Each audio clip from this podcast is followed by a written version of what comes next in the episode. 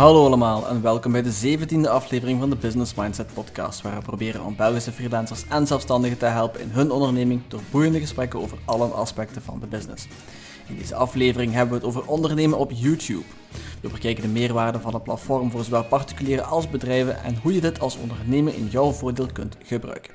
We voeren dit gesprek met twee mannen met jarenlang ervaring op YouTube, Sander Bouwens en Peter Minkjan. Sander Bouwens begon tijdens zijn studententijd met het uploaden van video's op YouTube, weliswaar meer uit noodzaak dan iets anders. Na 10 jaar had hij amper 50 subscribers en besloot hij om zijn kans te wagen om van YouTube zijn hoofdberoep te maken. Zijn kanaal ontplofte toen één van zijn video's viraal ging met meer dan 190 miljoen views en ondertussen is zijn kanaal het grootste YouTube-channel van België met meer dan 623.000 subscribers. Peter Minkjan studeerde marketing aan de Universiteit van Groningen en werkte vervolgens jarenlang actief als zelfstandig adviseur social media strategie bij RTL Nederland. In 2018 startte hij vervolgens met drie anderen het YouTube marketing agency Team 5PM. Met dit bedrijf helpt hij aan merken en werkgevers om succesvol te zijn op YouTube door een combinatie van data-analyse, onderzoek, wetenschappelijke inzichten en jarenlange ervaring. Team 5PM is in drie jaar tijd gegroeid tot meer dan 75 werknemers en werkt voor grote Nederlandse en internationale merken zoals Volkswagen, PokerStars, Gamma en Amazon Prime Video. Voor meer informatie over zowel mezelf als alle gasten kun je steeds terecht in de description van deze episode. Daar vind je opnieuw een korte bio als ook links naar de social media accounts waar je hen kan bereiken. Dat was het laatste van mij. Hope you enjoy the episode.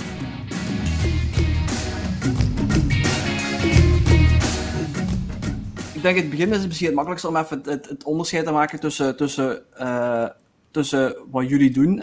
YouTube is, is, is een heel breed onderwerp uh, waar, waar, we het over hebben. Uh, daar kan heel veel dingen mee gebeuren. ik, ik zei het al eventjes tegen Sander tijdens het introgesprek. YouTube is heel, heel overal aanwezig op dit moment. Hè. Dus de tweede grootste zoekmachine ter wereld. Uh, wat veel mensen niet weten. Uh, denken, mensen, als je denkt aan een zoekmachine, dan denk je aan Bing naast, naast Google. Maar niet effectief. YouTube is eigenlijk de grootste zoekmachine ter wereld met gigantische hoeveelheid content. Uh, en toch benaderen jullie alle twee eigenlijk het, het platform op, op twee verschillende manieren. Uh, Sander die, die is, is eigenlijk content creator, die gaat naar de, naar de particuliere, bij wijze van spreken, of naar de consumer. Terwijl Peter, jij bent eerder, jouw benadering is eerder van de, meer van de professionele kant. Dus misschien moeten we eens beginnen met, met jullie, dat jullie alle twee een klein beetje toeleggen van, van, van wat jullie precies doen. Uh, en en, en hoe, dat je, hoe dat je er eigenlijk op terechtgekomen bent op die, op die wereld. Want het is, het is een hele speciale situatie waarin we nu zitten. Ja. Nee, helder. Ja, dan zal ik even toelichten hoe, hoe wij uh, benaderen. Als ik het over wij heb, is dan zeg maar uh, 5PM, waar ik mede-eigenaar van ben. Um, de, de, de wonderwereld van YouTube uh, benaderen wij dat wij merken en uitgevers succesvol maken op het platform. Ehm, en dat, ja, dat doen wij voor aan de ene kant merken die zeg maar organisch willen scoren. Dus echt met dat zoek, zoekmachineverhaal. Dus uh, bijvoorbeeld een bouwmarkt of een automerk. Als mensen daarop zoeken. Aan de kant hebben we uitgevers die dat meegeven. Maar even een stapje terug. Hoe, hoe ben ik hier nou in beland? Ik ben in 2014 bij RTL Nederland begonnen te werken. Nou, RTL is volgens mij ook in Wallonië wel bekend. In Vlaanderen weet ik niet. Maar zeg maar de VTM van, van de van, uh, van België. Dat is in Nederland, dus de commerciële televisiezender. En daar werd ook YouTube ingezet. En dat was eigenlijk met een multi-channel network, zoals ze dat noemen, een MCN. Dat was maar allemaal met influencers. Ik deed daar de social media strategie en met drie collega's die de MCN hebben opgezet, zijn we dus 5PM begonnen. Omdat wij zagen dat er enorme mogelijkheden waren eigenlijk voor bureaus die daarin gespecialiseerd waren. Maar die waren er nog helemaal niet. Er zijn heel veel social media bureaus, er zijn heel veel influencerbureaus, er zijn heel veel searchbureaus. Maar echt een bureau uh, wat zich specialiseert alleen in, uh, in YouTube, uh, dat was er nog niet. Dus dat zijn wij eigenlijk in 2018 begonnen. En dat is nu dus drie jaar geleden. En we zijn eigenlijk met vier man, dus onze vier oprichters begonnen. En we hebben nu een eigen productiestudio erbij. en we zijn nu met z'n 75 mensen. Dus die aanname dat er een enorme groei mogelijk was, die blijkt wel. En eigenlijk vanuit ons kantoor in Amsterdam, en we hebben nu ook een kantoor in Keulen, helpen we eigenlijk wereldwijd merken en uitgevers uh, eraan. Dus we doen niet zozeer dat we echt met influencers dat doen, maar we maken nu ook wel de, de, de, video's voor de merken zelf. Of wij beheren alle kanalen van, van A tot Z van een nou, een Amazon Prime Video Nederland. ik weet niet of die ook al gelanceerd is in België. Dat zou ik wel vaker zeggen. Of je wel in België is. Ik kom met heel veel Nederlands voorbeelden natuurlijk. maar ook PokerStars. Dus weer doen we zeven, acht kanalen.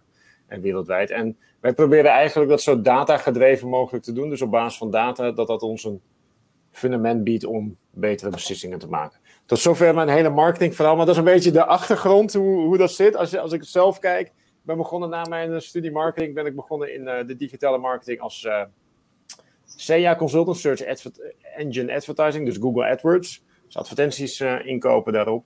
Toen heb ik later de stap gemaakt naar een online spelletjesbedrijf die dat wereldwijd deed. Daar kwam ik in aanraking met Facebook, dat was in 2012, dat was toen echt nog helemaal nieuw. En eigenlijk sinds drie jaar probeer ik search en social te combineren met, met YouTube. En dat is mijn persoonlijke fascinatie eigenlijk. Dat YouTube zo groot is, maar dat het eigenlijk nog niet de aandacht krijgt ten opzichte van andere platformen. die een Facebook, een Instagram, een Twitter, een TikTok. Waar veel meer bedrijvigheid omheen zit van bureaus en, en, en merken. Maar YouTube, dat grote platform, eigenlijk nog niet. Ja, dat zou je niet verwachten. Uh, nee. Ja, YouTube nee. bestaat al sinds 2005, dus hey, dat is toch wel vrij gekend, denk ik. Ja, dat klopt. Maar als je kijkt hoe merken het inzetten, is aan de ene kant uh, heel erg met influencers en creators. Daarmee merksamenwerking aangaan. Of het echt als een puur een advertentienetwerk te zien. Dus bumper ads en, en die advertenties inkopen. Mm -hmm. een soort verlenging van je, van je tv-budget. Maar dat, zelf hoe je als merk of uitgever daar kan profileren met je video's, dat, uh, ik denk dat dat nog de grote kans is die, die, die merken nu nog onbenut laten. Ah ja, dus jij bent eigenlijk, uh, zal ik het zeggen, YouTube-kanalen van bedrijven, uh, zoiets. Ja, ja, dat klopt. Ja, en dat kan aan de ene kant kan het een hele functionele insteek zijn, zoals nou, bijvoorbeeld Gamma, het bouwmarkt, is volgens mij ook in België bekend. Wat wij merkten is Ehm, dat er heel veel mensen, als zij aan het klussen zijn in hun huis, dat zij how-to-video's gaan kijken. Hm. Dus hoe moet, hoe moet ik mijn dak isoleren? Uh, hoe moet ik mijn uh, kruipruimte isoleren? Maar ook hoe moet ik uh, vlonders aanleggen in de tuin? En daar hebben wij video's voor gemaakt op, op, op, de, op de onderwerpen die daar dan de, de, de meeste potentie hadden op basis van populariteit, maar ook waar de concurrentie laag was. Mm En dan zie je dus eigenlijk als jij dat structureel bekijkt van hey, hoe kan ik video's maken die zowel door, door, door het algoritme worden beloond. Dus dat je goede beschrijvingen meegeeft, goede thumbnails. Eigenlijk al die elementen. Plus daarnaast dat de kijkers ook lang blijven boeien. Blijkt dat je eigenlijk nog een hele wereld te winnen valt om snel in die zoekresultaten hoog te scoren. En dat is een, in Google is dat al tien jaar of misschien nog wel langer echt een enorm gevecht. In YouTube begint dat nu pas. Hm. Maar wij beheren inderdaad, dus wij geven advies over hoe je eigenlijk dat het beste kan doen. Wij beheren dat eigenlijk voor, voor merken, ja. En dat, uh, dat is een, een onderbelichte kant van YouTube. Ja, ja. Maar goed, eh, ik, uh, ik, ik, ik, kende jou van tevoren niet, maar toen kreeg ik de, de video en toen uh, zag ik dat jij ook enorm populair bent op YouTube. ik ben heel benieuwd hoe dat is ontstaan eigenlijk. Hoe dat is ontstaan, ja. Eigenlijk zat ik vroeger vooral op fora's. Dus kippenforum.nl, is er allemaal salamanderforum.nl, vooral Nederlandse fora. Ja, ja. En, uh, maar dat was niet mogelijk om daar direct video's op te plaatsen. Dus je moest eerst ergens anders uploaden en dan kon je die link gebruiken om ze ja, te embedden. Ik weet niet hoe je zegt in het Nederlands. Ja, ja. In, uh. En uh, ja, dus wat gebruik ik? YouTube uiteraard. En dan, ja, hoe is dat dan gekomen? Uh, na een jaar of tien had ik nog altijd maar 50 abonnees. Waarschijnlijk de 50 mensen van het Kippenforum. en ik ja, moest nog een halve thesis afwerken. En, uh, dus ik had zeer van tijd in mijn laatste jaar op, uh, op. Dus ik dacht, hoe kan ik er een beetje geld verdienen zonder alle dagen in fabrieken te werken en te gaan afwassen. En dus de typische studentenjobs, die ik ook heb gedaan. En ja, zo beginnen denken van, hey, ik zie mensen YouTube echt alle dagen daarop posten, die moeten daar toch veel tijd voor hebben. En leven die daarvan, beginnen opzoeken. En inderdaad, er zijn mensen die daarvan leven. Dus ik dacht, ja, als, als zij dat kunnen, kan ik dat ook.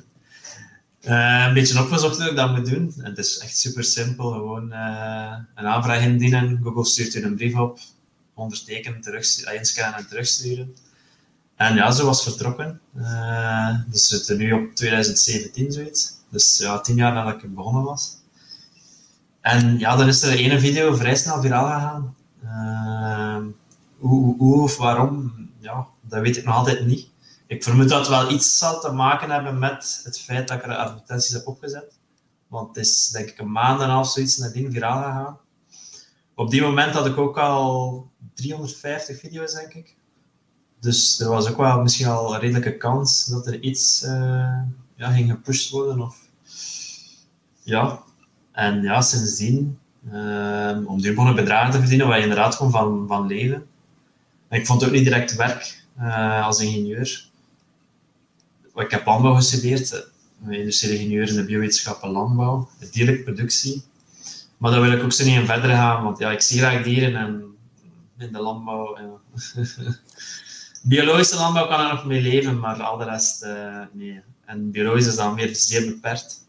Om daar iets in de buurt te vinden van wat werk, allee, het, was, was eigenlijk onmogelijk. Uh, en met YouTube, dat bleef maar geld verdienen, geld verdienen. Of ik daar nu iets voor deed of niet. Dus ik dacht, ja, als ik nu al mijn tijd daarin steek, uh, ga ik er mijn job van kunnen maken. En dat is ook gelukt. Dus in 2019 dan beslist om uh, ja, 1 januari of 2 januari uh, fulltime voor te gaan. in Mansheim opgestart. En ja, nu ben ik moeten stoppen. Ja, deels door corona, of grotendeels door corona, vorig jaar. Maar uh, waarschijnlijk zal ik het wel weer opstarten in bijberoep. En ja, dan zien we wel. Uh, en toen je, het full, als je, toen je het fulltime deed, wat, wat, wat, uh, hoe zag je dag er dan uit? Ik bedoel, wat deed je dan op YouTube? Ja, dus mijn kanaal over kippen. dat ja, ja. Eigenlijk is het iets uitgebreider zelfs dan kippen, maar ik merk dan de kippenvideo's het wel het beste doen. want ik heb ook nog aquariums met salamanders. ik heb nog vissen ook, die normaal hier achter mij komen. Uh, maar ik moest er nog verhuizen. Uh, en daar was ook mijn kanaal mee begonnen, met, uh, met de aquariums eigenlijk. Maar ja, de kippenvideo's, ja, die doen het ja, 10, 20, 30 keer beter dan een aquariumvideo. Dus, het is ook, als ik moet kiezen, moest je maar één huis hier mogen hebben, zou ik ook wel kiezen voor de kip. Dus voor mij was het vanzelfsprekend om daarin verder te doen. Dus ja, zo is ja, ben ik daarmee begonnen. En dus hoe ziet mijn dag eruit? Of hoe zag mijn dag eruit? Ten eerste dan niet mijn wekker zetten om vijf uur, zoals ik nu moet doen. Maar ik werkte wel van, denk 10 uur s morgens tot 11 uur s avonds, 7 op 7. Dus het was wel uh, intensief. Maar ja, natuurlijk, mijn hobby was mijn beroep, dus uh, niet elke dag voelde aan als, alsof ik mij kapot moest werken. Dus dat is wel leuk. En vooral ook die vrijheid die je hebt, uh, om zelf te kiezen wat ga je maken natuurlijk, hoe meer sponsors er komen, hoe meer video's je moet maken voor hun. En nu zit ik zo in een, punt dat ik nog maar juist tijd heb, of zelfs geen tijd, voor uh, enkel nog gesponsorde video's. Dat vind ik misschien wel een beetje spijtig. Uh, maar ja, het is nog een beetje zoeken naar een evenwicht. Uh, uiteindelijk vind ik het ook nog maar ja, twee jaar en een half. ja, heb ik twee jaar als, als werk gedaan. Dus, en ik was ook een van de eerste eh, we hebben ook zo'n WhatsApp-groep met alle bekendste of grootste YouTubers van België. En ik denk dat er misschien tien mannen zitten, of nog niet zelfs. Dus uh, we zijn allemaal nog een beetje aan het uitzoeken van wat moeten we doen met die nieuwe belastingen. En, oh, ja. en hoe start je een zaak op en zo van die dingen. En er was niemand die me daarmee kon helpen. Uh, maar ik had dan toch een boekhouder gevonden, hier in de buurt, hier in Wetteren ook, die mij daarmee kon helpen. ja, die heeft mij dan toch kunnen overtuigen om, of me kunnen geruststellen van dat is eigenlijk wel een idee om daaraan te beginnen. Daarom hebben we nu ook een podcast die u daarmee kan helpen. Hè? Dus zeggen, bekijk, gewoon alle video's, uh, steun het YouTube-kanaal, dat komt helemaal aan orde. nee, um, om daar even op in te pikken, Sander. Um, dus, allee, ik eens even, want mensen, mensen, dat is misschien hetgeen dat, je, dat, dat mensen het vaakst niet begrijpen, is, is hoe dat je juist geld verdient met, met YouTube als, als pure uh, content creator. Dus, dus eigenlijk wat, wat, jij doet. Dus wat zijn zo de verschillende inkomstenstromen die je hebt en, en vanaf welk moment had je zoiets van, van, van hoeveel subscribers of, of eh, een andere metric misschien, misschien views, ik weet niet. Vanaf welk moment had je zo het idee van, dit is echt genoeg wat er binnenkomt om daar een beroep van te maken? Wat is zo het, het, het, het, het doel waar mensen op moeten richten om dat, dat te kunnen doen? Ja, dat is zeer uh, locatieafhankelijk. Dus uh, het belangrijkste zijn inderdaad je views, nieuwe subscribers. Want kijk, ik heb nu 623.000 subscribers, maar ik kan er niet meer van leven. Uh, omdat de views... De views zijn eigenlijk ook nog hoog, maar ik heb vooral views in India. Ongeveer 19, 19 à 20 procent mm -hmm. uh, van mijn views komen uit India.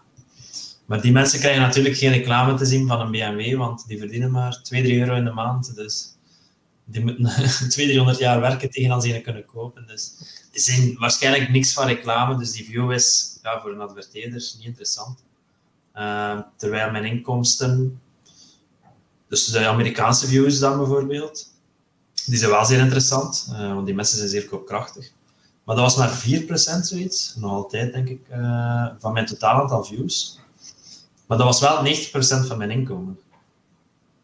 Dus ja, ik moet bij denken uh, hoeveel views ik had in de maand.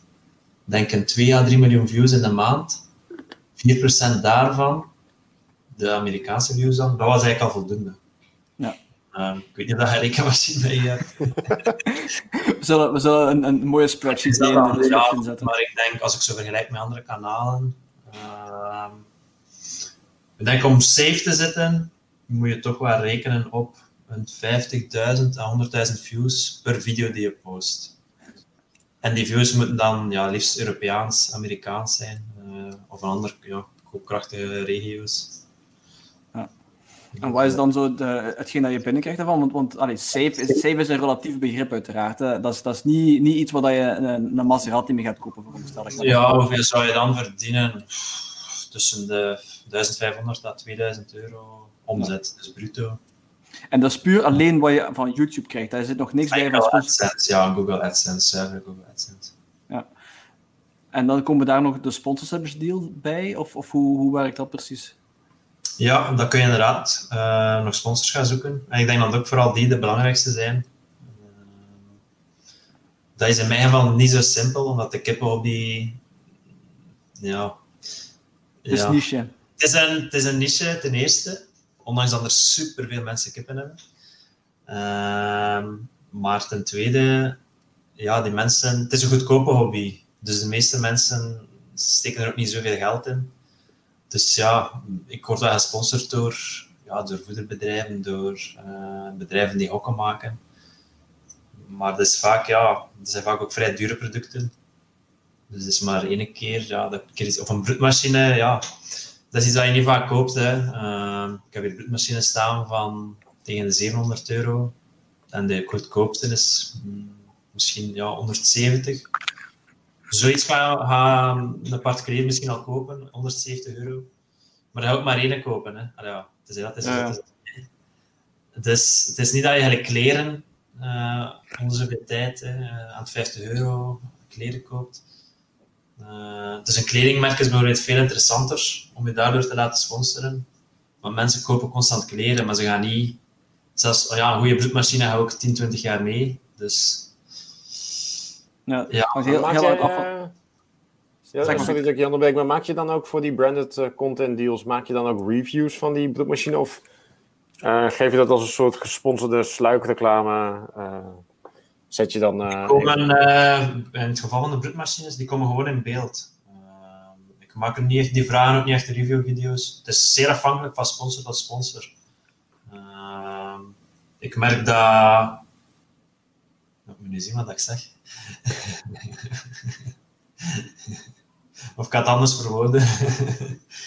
er zijn ook bedrijven die echt ja, met contracten werken en je moet dat doen en het moet er zo uitzien. Terwijl anderen moet ik maar vragen, ah, ik heb dat nodig, ja, want het is kapot of het is, uh, en die sturen dat op en ze vragen niet echt iets van, ik moet een dat in de plaats hebben en dat en dat. Uh, omdat ze wel weten van, het zal ooit wel in beeld komen. En ja, het kippen ook ooit komt het in beeld, dus, uh, dus hebben ze iets van... Ja, ze hebben zelf ook op hun website review-video's en, en zo van die zaken, dus... Mm -hmm. en dat ik ook, ja, Mensen zullen er wel naar zoeken, maar ik denk dat het gaat vaker in beeld komen in eh, bijvoorbeeld de populaire reeks, bij mij de Morning Rushes, dan de kippen zo uit het hok springen. Mhm. Ik denk dat ze liever hebben dat daar dan misschien maar een paar seconden in beeld komt, hè, want ik heb zo maar één hok bijvoorbeeld, dan dat ik een hele review video maak, waar dat dan misschien 5 of 10.000 views haalt. Ja, ja. Morning Rushes gaan tot 90 tot bijna 200 miljoen views. Dus, eh, dus ja, het is een beetje te zien van, van sponsor tot sponsor. En, en eh, je zei, ik ben eigenlijk een beetje verrast doordat ik op een, op een gegeven moment viraal ging. Maar eh, als je dan in de cijfers duikt, waar komen dan die views vandaan? Je zei al India, maar eh, wat zijn de verkeersbronnen als je kijkt in YouTube? Ah ja, hoe dat mensen mij vinden bedoel je? Ja, Ehm, voornamelijk het woord chicken. Daar wordt vaak op gezocht. Mijn naam ook wel. Ja, zeker nu dat ik af en toe in de media kom. Ehm, chick, dus kuikens, eh, daar, zoeken ze, daar wordt ook vaak op gezocht. Dus zo vinden ze mijn kanaal. Mm, ja, zo die zoektermen qua websites, Bing staat ook vrij hoog, denk ik. Eh, uiteraard YouTube zelf, Google zelf. Klopt dat, Sander, dat, dat het grootste deel van, van de traffic via YouTube Search komt? Het reden dat ik het vraag is, ik heb, ik heb uiteraard andere connecties die, die ook eh, kanalen hebben. Ik heb bijvoorbeeld iemand in mijn, in mijn netwerk die, die een Engelstalig kanaal heeft over lopen. En die, heeft, die heeft mij eens een screenshot laten zien waarin staat dat meer dan 50% van zijn traffic gewoon via YouTube Search komt.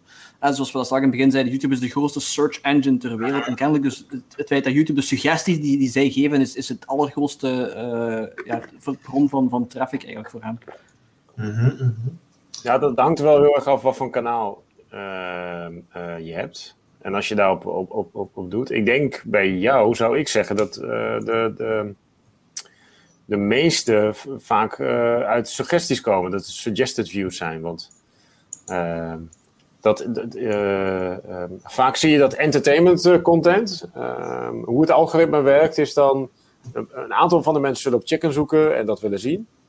En dan ziet Google dat als een signaal van: hey, mensen die van kippen houden, die laten we die video zien. En nou, dan kijken mensen eh, waarschijnlijk heel lang naar jouw video's. En dan geven ze hem als aanbeveling aan mensen die misschien wel op vergelijkbaar gedrag vertonen, maar niet naar kippen eh, zoeken. En, dan, eh, en als je dan eenmaal wordt opgepikt door het algoritme, kan het zomaar zijn dat jij opeens wordt aanbevolen bij alle Indiërs die wel van kippen houden, of naar dat soort type content eh, kijken.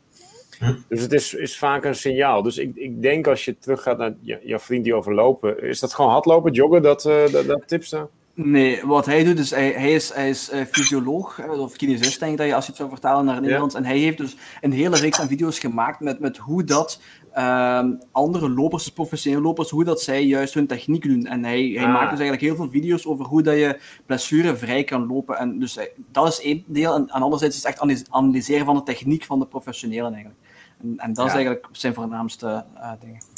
Ja, maar dat is echt iets waar je waarschijnlijk eh, videocontent waar jij. eh, nou, stel eh, je gaat een marathon lopen, dan wil je daar, ga je daar specifiek naar zoeken. Van, Ja, hey, hoe kan ik sneller lopen? Hoe kan ik blessurevrij? Hoe kan, krijg ik geen shin splint of al die andere dingen? Dat is type content. Dat is niet iets als ik. dat dat veel wordt aanbevolen aan mensen als suggestie als je niet een actieve zoekintentie hebt. Dus ik denk dat dat eigenlijk verklaart waarom hij heel erg op search zit en waarschijnlijk daar veel meer op moet focussen. Dat als je op entertainment content hebt, en dan noem ik dan even de, de chicken, zeg maar, eh, eh, ook. eh, dat is vermakelijke content. Dan zul je het ook heel veel aan de ene kant search hebben. Google, Bing, YouTube search. Maar aan de andere kant zal het ook heel erg op eh, aanbevolen video's zijn. Ja. Kijk, ik ben hier net aan het kijken bij mijn eh, analytics. Dus het afgelopen jaar komt, ja, laten we zeggen, 33% van mijn views van, via Google Search. En dan op nummer 2 met 3,6% is WhatsApp. En is Ja, Ja. Eh, mijn video's hey, wordt geweest gedeeld. Hè. Ja, natuurlijk, eens dat er een viraal gaat, mensen hebben zoiets van hey, 190 miljoen views van een kippenvideo, ik moet dat delen. Ja. Eh, dat is dat een, een Ja, flywheel heet ze dat, hè? dat, dat blijft draaien één keer Ja, wel aan de ja. gang is. Hè? Dat is- heb ik ook gedaan bij mijn collega's hoor. Moet je kijken, ik zit in een podcast met iemand die, die 190 miljoen views heeft. Kijk, en dan nummer 4 is Facebook, daaronder YouTube. En dan kijk Knak, Flair, uh, Bing, Ja. farmanimalreport.com, Ah, ja. Facebook Messenger, Radio 1, ja, en Maar dat is inderdaad heel sterk afhankelijk van, van, van het soort video's dat je hebt, gelijk Peter zegt. Want allee, dat, is, dat is heel anders als, als wat bijvoorbeeld mijn, eh, mijn, mijn, mijn kennis eh, heeft. Dat is echt ja, compleet andere cijfers gewoon. Dat is, dat is wel Mhm. opmerkelijk. Maar dat komt inderdaad wat voor type content je hebt. Dus functioneel, functionele informatieve content is veel search. Mensen hebben een actieve zoekintentie. Eh, als je een entertainment eh, content hebt, dat zien wij bij klanten. Dat wordt vaak gewoon aanbevolen. Daarbij neemt niet weg dat je ook wel aandacht moet besteden aan, aan, aan de juiste zoekwoorden, zodat je in die zoekmachine hoog kan scoren. Dus, Ja, eh. Wat zijn zo de metrics die je opvolgt, Sander? Want we we hebben nu al een paar dingen gezegd. We hebben views, die uiteraard heel belangrijk zijn. We hebben subscribers. Subscribers is iets minder. Hè? Eh, Ja, je zegt het net zelf. Maar wat zijn zo de dingen die jij op, op, op dagelijkse of wekelijkse basis opvolgt en op- waar je beslissingen op maakt? Van, "Allee, nu ga ik daar of daar meer content rondmaken of iets, of iets dergelijks. Mm, ja. Ja. De laatste tijd ben ik er iets minder mee bezig, dus ik moet maar even denken. Ehm, ik hier iets terug te geraken. ik We eh, moeten geen exacte cijfers hebben, want Sander, dat is een algemeen idee. Is goed, hè? maar ik ben op zoek naar het woord. ah ja, wacht. Hè. Ehm, moet eens denken. Dus, ehm allee, hoe noemen ze dat? Dus eh, hoe lang dat een persoon kijkt naar een video. Dus hoe lang eh, eh, gemiddelde kijktijd, average view duration. Retention, denk ik dat je bedoelt. Ja, Audience retention, retention. Dat is, Ja. dat is eigenlijk een belangrijke. Ehm, en ik zie dat dat vaak zo na het 40 seconden dat dat al serieus begint te dalen bij mij. Dus dan ben ik te denken, ja, iedereen zegt dan, ja, je moet kijken, wat doe je in de eerste 40 seconden? Ehm, je moet meer dat doen, of, allee, ja. Maar ik heb er zo nog niet echt een oplossing voor gevonden. Maar die, eh, die video die zo viraal is gegaan, wat is daar dan bijvoorbeeld de audience retention van? Want dat is waarschijnlijk hoger dan gemiddeld. Hmm, ik vrees toch van niet. Nee? Wacht, ik zal hem eens, eh, ik zal hem eens zoeken. nou ja, eh, kijk, het kan ook zijn dat hij op een gegeven moment aan, aan zoveel mensen wordt aanbevolen dat het ook voor minder relevante zaken is. Maar dat, er zijn sommige video's die doen het eerst heel goed in kleine kring en dan pikt het algoritme het op. Ehm, nou, nu probeer ik een, eh, Nederlands-Vlaams voorbeeld te geven, maar eh, soms zie je dat eh, bijvoorbeeld audities van The Voice of Got Talent bijvoorbeeld, dat die eerst in kleine kring heel goed doen en dan gaat het opeens zo. Oh, nou, ehm, eh, dat was een Vlaams voorbeeld. Hoe heet die ook alweer als je die, die mensen die in zo'n masker gaan zingen? Eh, in Uh, Nederland zijn. Baba Yaga is dat. Baba Yaga is dat? Ah nee, wacht even, de Masked Singer bedoel jij? De Maas Singer, ja, ja, ja. Nou, die, Ja. eh, dat daar iemand in zat eh, van K3 of zo, weet ik veel wat, zoiets. Nou, maakt niet uit. Ik zag hem ook eh, voorbij komen, maar eh, die heeft het eh, eh, eh, massaal gedaan. En die werd op een gegeven moment ook aan alle Nederlanders aanbevolen. Dus die heeft eerst in, in Vlaanderen goed gedaan en eh, eh, eh, daar kijken mensen heel erg naar. En dan eh, het doen. Dus dat algoritme dat van, van, van YouTube, dat kan opeens zomaar ook eh, eh, op basis van die data, hey, hier kijken heel veel mensen naar, hier klikken heel veel mensen op, om opeens aan een andere groep aanbevelen. En dan kan het een soort vliegwiel hebben. En dan zie je inderdaad van, hé, hey, kijk, dit is, en dan gaan mensen het weer voor- de rest me- met elkaar delen. Ja. Maar om, om, om, om als, je, als je hebt wat de metrics eh, die wij eh, het belangrijkste vinden, is altijd eh, klikken mensen erop, dus click-through rate. Vooral in Mhm. search is dat belangrijk, maar ook eh, die is in search ook wat hoger dan bij aanbevolen video. En eh, audience retention. Blijven mensen eh, gemiddeld lang kijken. Als je ziet als, als je die twee dingen eh, doet, dan krijg je vanzelf views. Dan krijg je vanzelf eh, eh, ook abonnees als je dat slim doet. Dat helpt eigenlijk als je die twee dingen kan optimaliseren. Die, die beïnvloeden positief alle andere metrics. Ik heb het net gevonden. Eh, na een minuut en één seconde kijkt er nog 31%. Dus van Ah, maximale video. En hoe lang is de hele video? 7 minuten 55 seconden. Net geen Oké. 8. Nou ja, dat. eh, Maar goed, eh eh, wellicht Ja. doet hij- Het is een beetje een saaie video ook, hè, dus ik versta wel dat mensen wegklikken. En toch, eh, 190 miljoen views is niet niks, hè? Allee, dan heb je toch al redelijk wat interesse opgewekt, denk ik dan. Ja, ja, ja, het blijft gaan, hè. Eh, dan heb ik nog En Ja. levert, het ook, eh, levert het ook continu nieuwe abonnees op? Dat mensen blijven klikken, eh, kijken. Vooral deze video ook, ja. Ja. Uh, maar ik, weet niet, ik weet niet of je dat beseft, dat Sander, maar die ene video is eigenlijk meer dan, ik denk, ja, bijna 95% van alle Belgische YouTubers samen. dat, is, dat is gewoon gigantisch. Oh, nee, nee, dat nu niet. Maar even, want je zei ook, ik zit in een groepje met uh, andere influencers. Delen jullie dan ook uh, tactieken met elkaar? Zo van... Uh, ja, ja, het gaat soms zeer technisch aan toe, dat ik zelf ook niet meer kan volgen. maar gaat het dan ook, deel je dan ook van, hey, dit is mijn average revenue per mail, bijvoorbeeld wat verdien je per duizend weergaven? Ja, ja, ja, ja, ja. en, en hoe kun je dat doen? En wat ik me dan afvraag, zit je bij een MCN? Ben je aangesloten bij een YouTube-netwerk? Nee, nee, nee. Misschien moet je dat eens even toelichten, Peter, want ja. dat is ook mij onbekend. Wat, wat, is dat precies en wat doet dat? Ja, wat een, uh, een MCN is, is eigenlijk een, uh, een, een multi-channel netwerk. Dat, is, uh, dat zijn we met 5PM ook, maar dus heb je er heel veel. Dat is eigenlijk in veel gevallen is dat dus een soort bedrijf waar je een kanaal in kan, aan kan connecten. En zodat je op die manier hogere advertentieomzetten krijgt. Of dat je bij een influencer netwerk zit. en veel van die MCN's die behartigen bijvoorbeeld ook de belangen van creators. En een reden om je bij daar aan te sluiten is dat je ook uh, hogere advertentieinkomsten krijgt, maar ook eerder sponsordeals krijgt. Dus dat je daarmee kan doen.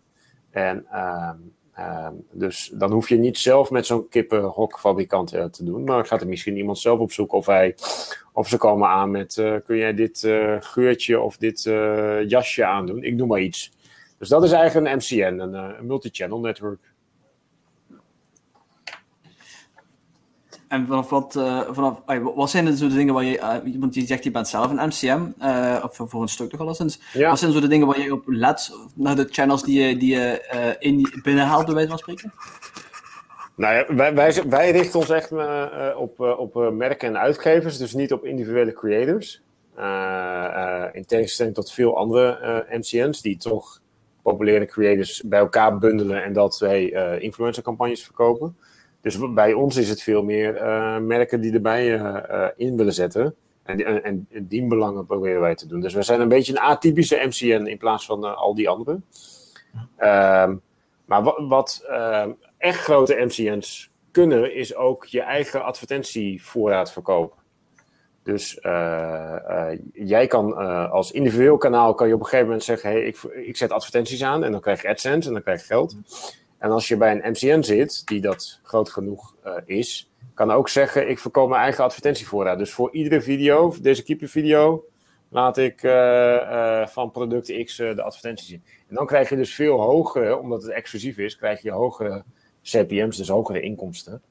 Dat, en dat is eigenlijk de reden waarom veel influencers bij zo'n MCN zitten. En het verbaast me eigenlijk dat je nog niet. Want ben je wel eens benaderd door, door een MCN? Of, Constant. Ja, oké. Okay, nou, nou oké. Nee, inderdaad. Maar dat is bijvoorbeeld een, een, pitch, waarschijnlijk het verhaal naar je toe. Van hey, je komt bij ons en je verdient meer geld. Ja, maar uh, als ik daar rondvraag, hoor ik eerder andere verhalen. Ik kom binnen. Ja, ja, ja. Nee, dat, dat, uh, daar zitten ook slechte tussen. En dat het eigenlijk meer gaat om, om, om, om dat soort zaken. Maar uh, dat is wel het, het verhaal achter de, of het verhaal wat ze, wat het bestaansrecht is van MCN's. Dus het, het collectief be, uh, de belangen behartigen van meerdere creators samen. Ja, maar, ja, ik geloof niet echt. Tegen mij zeggen ze dan altijd, oh ja, nog veel meer views hebben en dit en dat. Ja, ja. Hoe, hoe gaan ze dat beïnvloeden? Allee, bedoel. Ja, ze zouden jou uh, uh, kunnen, kunnen helpen met je video's optimaliseren, beter maken. misschien wat je vaak ziet is dat die uh, influencers uit het, hetzelfde netwerk uh, shout-outs doen naar elkaar. Dus uh, aanbeveling geven. Mm -hmm. en, en waar het meest... maar dat, jij zit echt wel in een, in een, een hele specifieke niche dan. Mm -hmm. ik denk niet dat er heel veel kippen-influencers bij elkaar zijn, zeg maar, in, in België en Nederland. Maar stel, jij bent een reguliere influencer dan, is, dan ben jij veel tijd kwijt waarschijnlijk aan al die sponsordeals. En dat kunnen zij, dat, uh, dat kunnen zij zelf doen. Dus dan kunnen zij met de Pepsi's en de Coca-Cola's van de wereld uh, deals sluiten. Wat jij in je eentje uh, niet Dus, Ja, dus dat, dat is een beetje de, de, de, de rol van een, van een MCN in het YouTube-landschap. Mm -hmm. Ja, maar wat mij vooral stoorde was, dat is echt een totaal procentwaarde van, hey, van zo'n procent van mijn totale inkomsten. Uh, ja. Terwijl nu heb ik iemand gevonden die toevallig ook in die WhatsApp-groep zit en ook een YouTube-kanaal heeft. Ja. En uh, een deel van zijn job is om inderdaad sponsordeals te vinden voor YouTubers. Ja. En hij neemt dan een deel daarvan per, per deal. Niet per ja, mijn, mijn inkomsten van AdSense, want daar heeft hij niks mee te zien, uiteraard. Nee, inderdaad, maar dat is uh, ja, hoe je het insteekt. Sommige Dat vind ik eerlijker. Of, kan ik me voorstellen, ja. Dus, uh, ja. Wat zijn zo de dingen waar jij werkt, Peter? Want uiteraard, jij doet heel andere zaken. Hè? Jij, jij doet eerder merkpromotie of merkopbouw, om het zo te zeggen. Dus voor jou is, is YouTube een klein beetje anders. Hoe, hoe ga jij de, ermee te werk?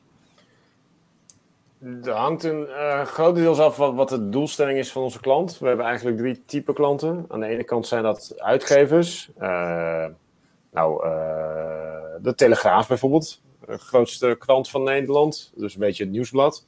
vergelijkbaar. ook onderdeel van Mediahuis, hetzelfde mediaconcern.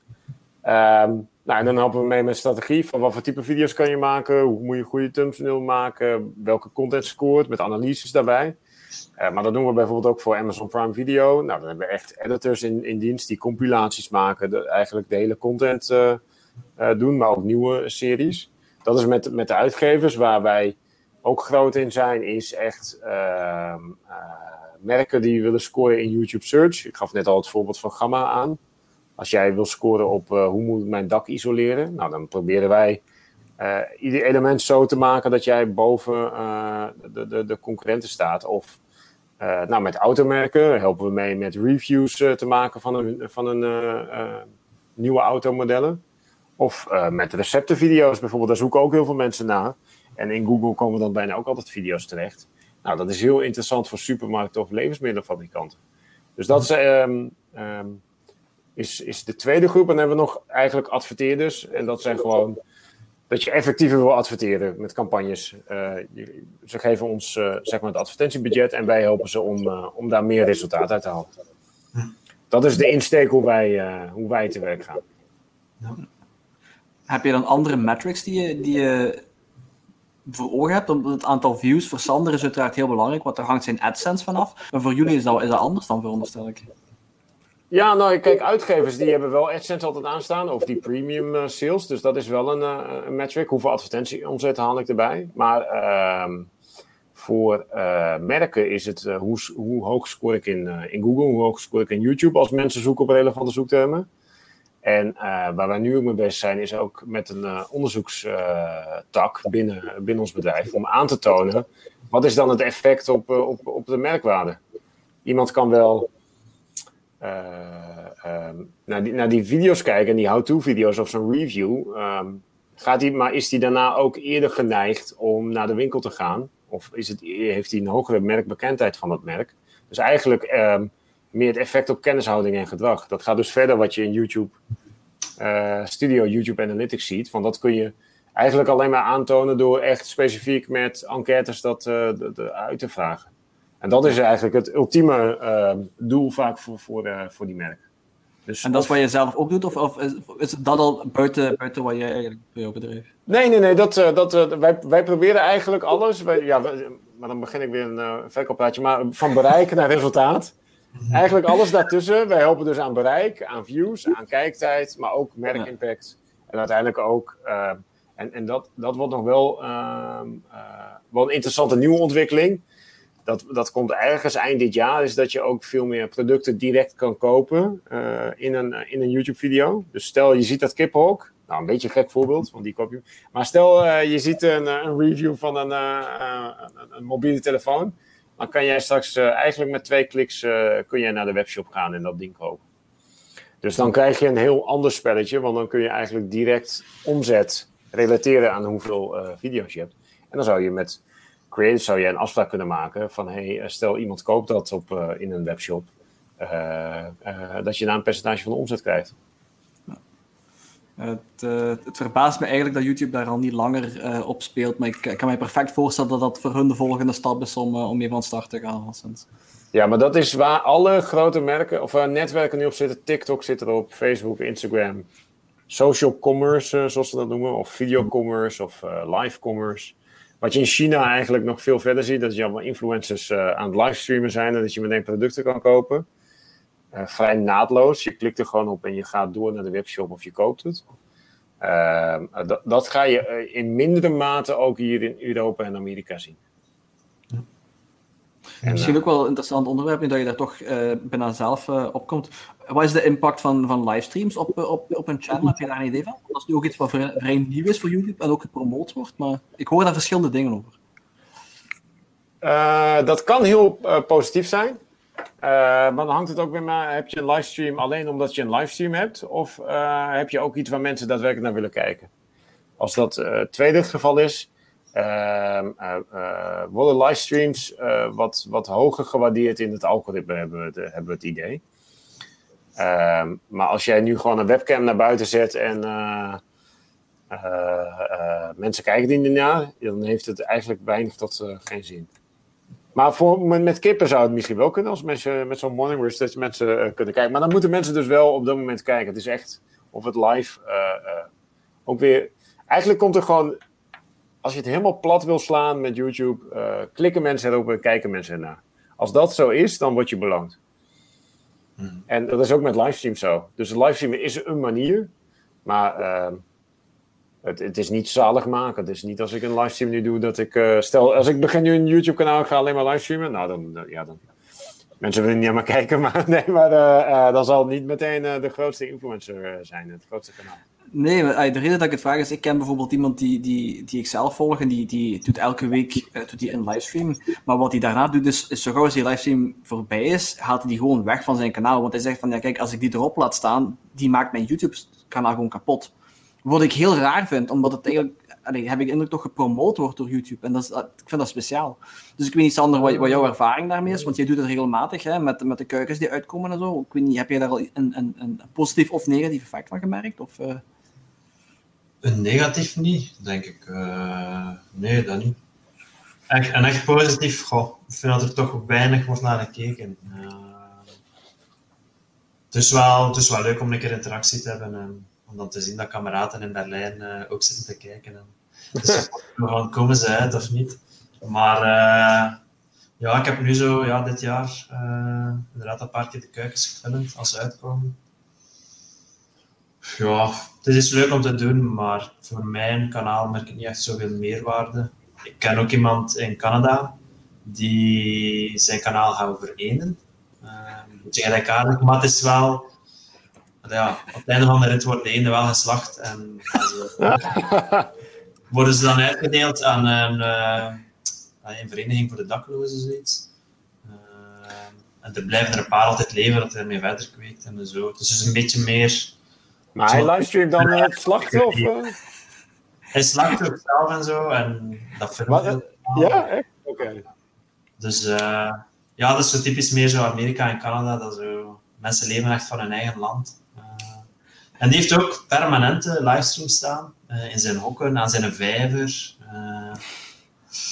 maar ik, als ik kijk ook bij hem, zoveel zo views komen daar niet op. En het komt inderdaad zo'n beetje over van hij wordt lui, hij wil zo hè, niet zelf nog dingen maken en je kunt meevolgen en als je interesseert. Hè.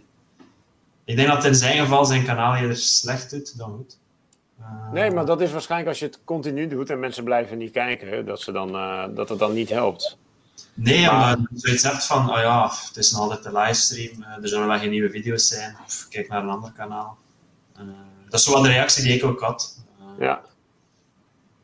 Nou, wat je nu soms wel ziet is, uh, uh, dat, dat, viel me laatst ook op, dat bijvoorbeeld Nickelodeon in Nederland eh, zet gewoon continu livestream door op, op YouTube. Die pluggen eigenlijk het tv-kanaal door. En dat zagen we ook bij een aantal concurrenten van, van de klanten, dat ze met poker eigenlijk een soort livestream allemaal hun video's weer opnieuw erin gooiden. En dat dat wel een boost in het begin bij die concurrenten gaf. Ja. Ehm, maar als, als het... Als, um, maar wij verzorgen soms ook livestreams voor klanten. Uh, bijvoorbeeld bij de lancering van een, uh, van een game of uh, iets anders. Als mensen daar echt naar kijken en je hebt een actieve community, dan kan het op een gegeven moment wel een vliegwiel zijn. Dan wordt het steeds vaker aanbevolen. Maar wel op, dat wel op dat moment. Dus uh, van een livestream gaat. Ja, uh, stel dat wij vanavond een fantastische livestream hebben. Dan zal 80, 90% van die views zal, uh, op die avond zijn. Dat is niet iets. YouTube gaat mij niet een livestream van twee weken oud aanbevelen. Ja. Dus je hoeft het niet. Ik denk niet dat je er af hoeft te halen omdat het dan fout gaat of zo. Tenzij hij daar iets in zegt wat, wat hij nog een keer exclusief uh, wil vertellen. Uh, maar ja, het komt er gewoon op neer. Als mensen kijken, dan doet het goed. En zeker op dat moment kan je, kan je een vliegwiel-effect krijgen. Maar anders helpt het niet zo heel veel. Ja. Nee, het is ja, zeer afhankelijk van je content. Hè. Voor een gamer is het inderdaad vrij vanzelfsprekend dat hij livestreams doet. Uh, maar dan ga je meestal naar Twitch, hè, omdat Twitch speciaal daarvoor gemaakt is. Ik heb nog niet vaak een, een, een gamer zien streamen op YouTube. Ah, ik ken iemand, uh, ik weet niet of ik die naam mag zeggen. Konat. Dibrinsky. En uh, die speelt Diablo 2. Diablo 2 zelfs nog. ja, ja, ja. Dat is altijd de 20 jaar oud. Inderdaad, van 1999. Dit is al 22 jaar.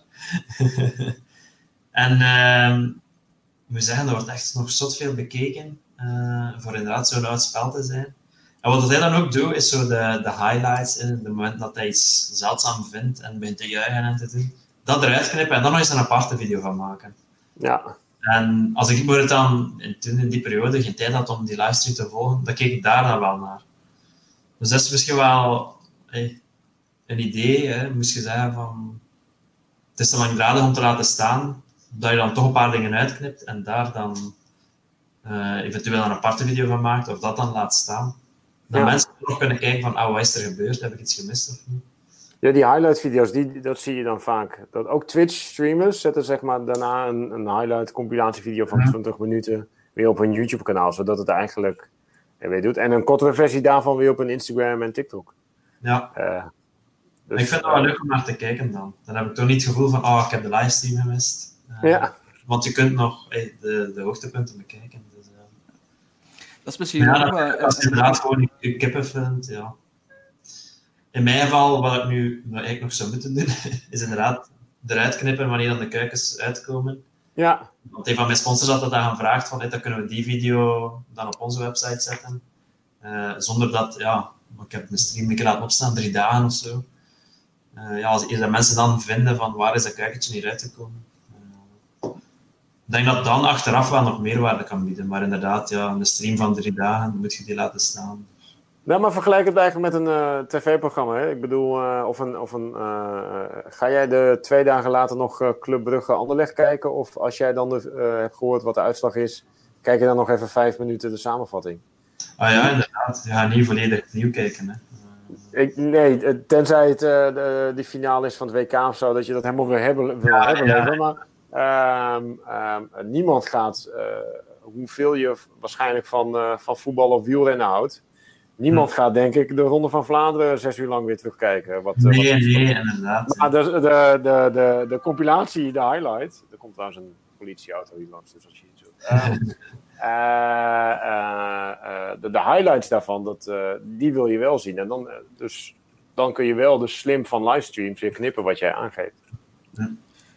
Dat is wel interessant wat je daarnet even aanhaalde, uh, Sander. Want uiteindelijk, uh, video is universeel en YouTube is niet het enige kanaal waar, waar video op, uh, op gebruikt wordt. Je hebt ook Instagram en TikTok, en zijn de twee die je juist aanhaalde. ik weet niet of je daar al eens mee geëxperimenteerd hebt of niet. Um, maar wat, heb je een idee van, van wat er de impact is op je YouTube-kanaal? Want uiteindelijk ga je dan mensen van je YouTube-kanaal weghalen die er misschien dan niet terug naartoe komen. Ik weet niet of je daar ervaring mee hebt of niet. Of, moet zeggen dat al mijn andere social media kanalen zeer slecht zijn. dus ik heb niet het gevoel dat mensen van het een naar het andere gaan. Uh, mijn Instagram bijvoorbeeld heb ik maar 727 volgers. Dat is niks in vergelijking. Dat is maar een duizendste, ja, bijna maar een duizendste van mijn YouTube. En mijn content daar is ook enkel foto's. Dus, uh, en dan ja, de foto's van mijn fototoestel echt, echt uh, meer de, de ja, artistieker, de mooiere foto's. Op Facebook, uh, wat deel ik daar? Eigenlijk bitter weinig, denk ik. Ook eigenlijk gewoon mijn Instagram-foto's die daar worden gedeeld. En soms zet ik daar een beetje extra foto's, uh, maar echt video's niet. Je kan wel doorklikken naar zo'n tabblad YouTube en mijn video's daar zien. Maar, maar foto's zullen daar wel zeer goed. ik heb eens een foto gepost van een haan. En die had al... dat was 753 keer gedeeld, 15.000 likes. Dat was wel... Voor een foto van een kip is dat wel zeer veel. Dus voor zoiets... en ik denk dat er dan ook wel mensen gaan zoeken van oh, wie is dat, die persoon? Eh, dan misschien wel naar mijn YouTube komen. Eh, maar het, ja, dat is misschien wel moeilijk te, te zien of, of te meten.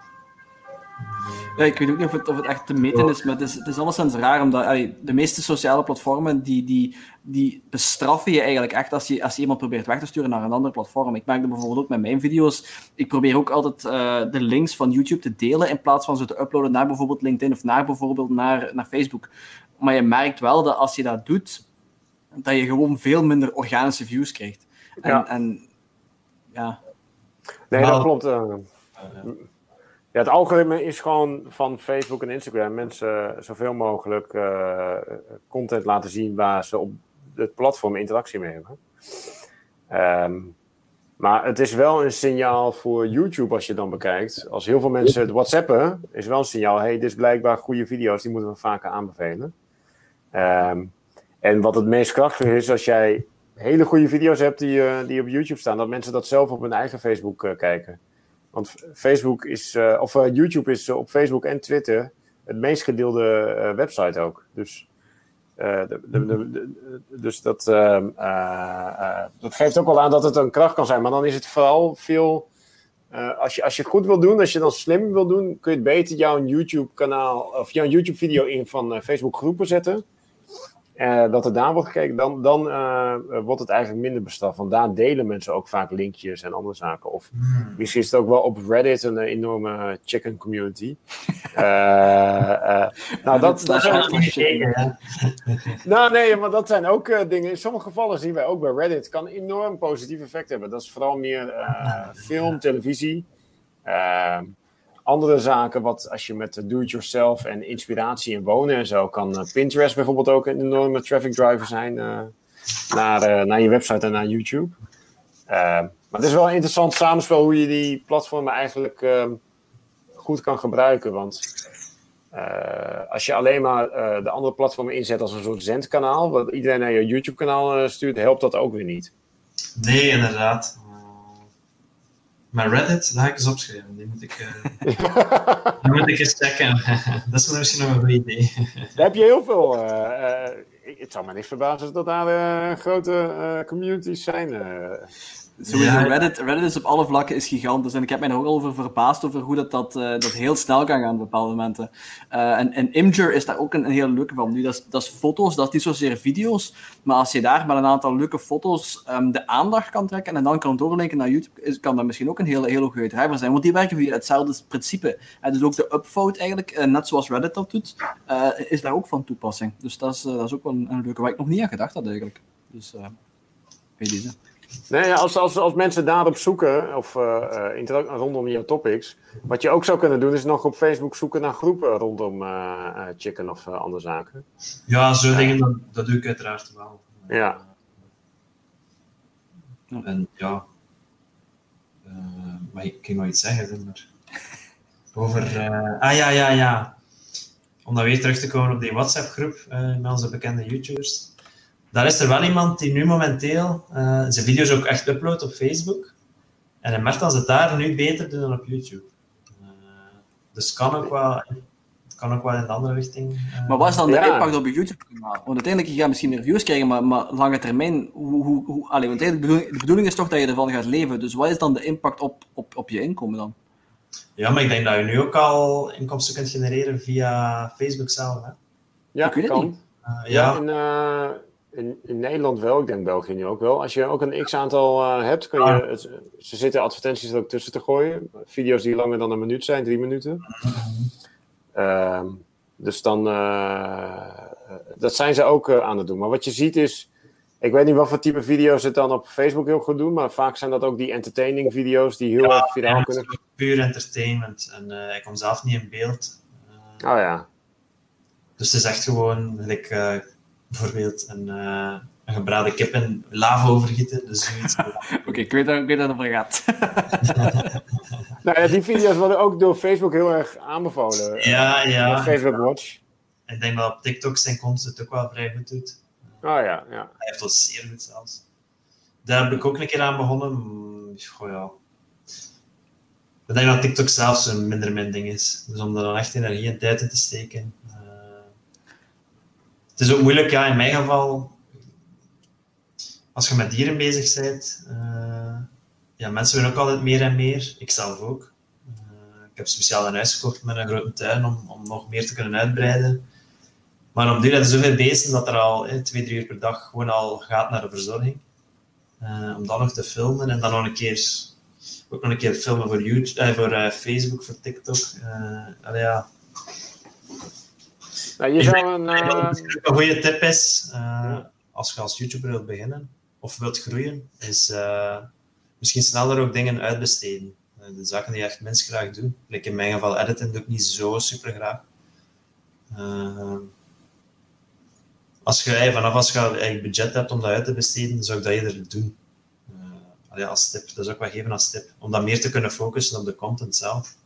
Besteed je dat uit aan een, eh, aan een, een Belg, een een Vlaming, of eh, doe je dat eh, in India, Pakistan?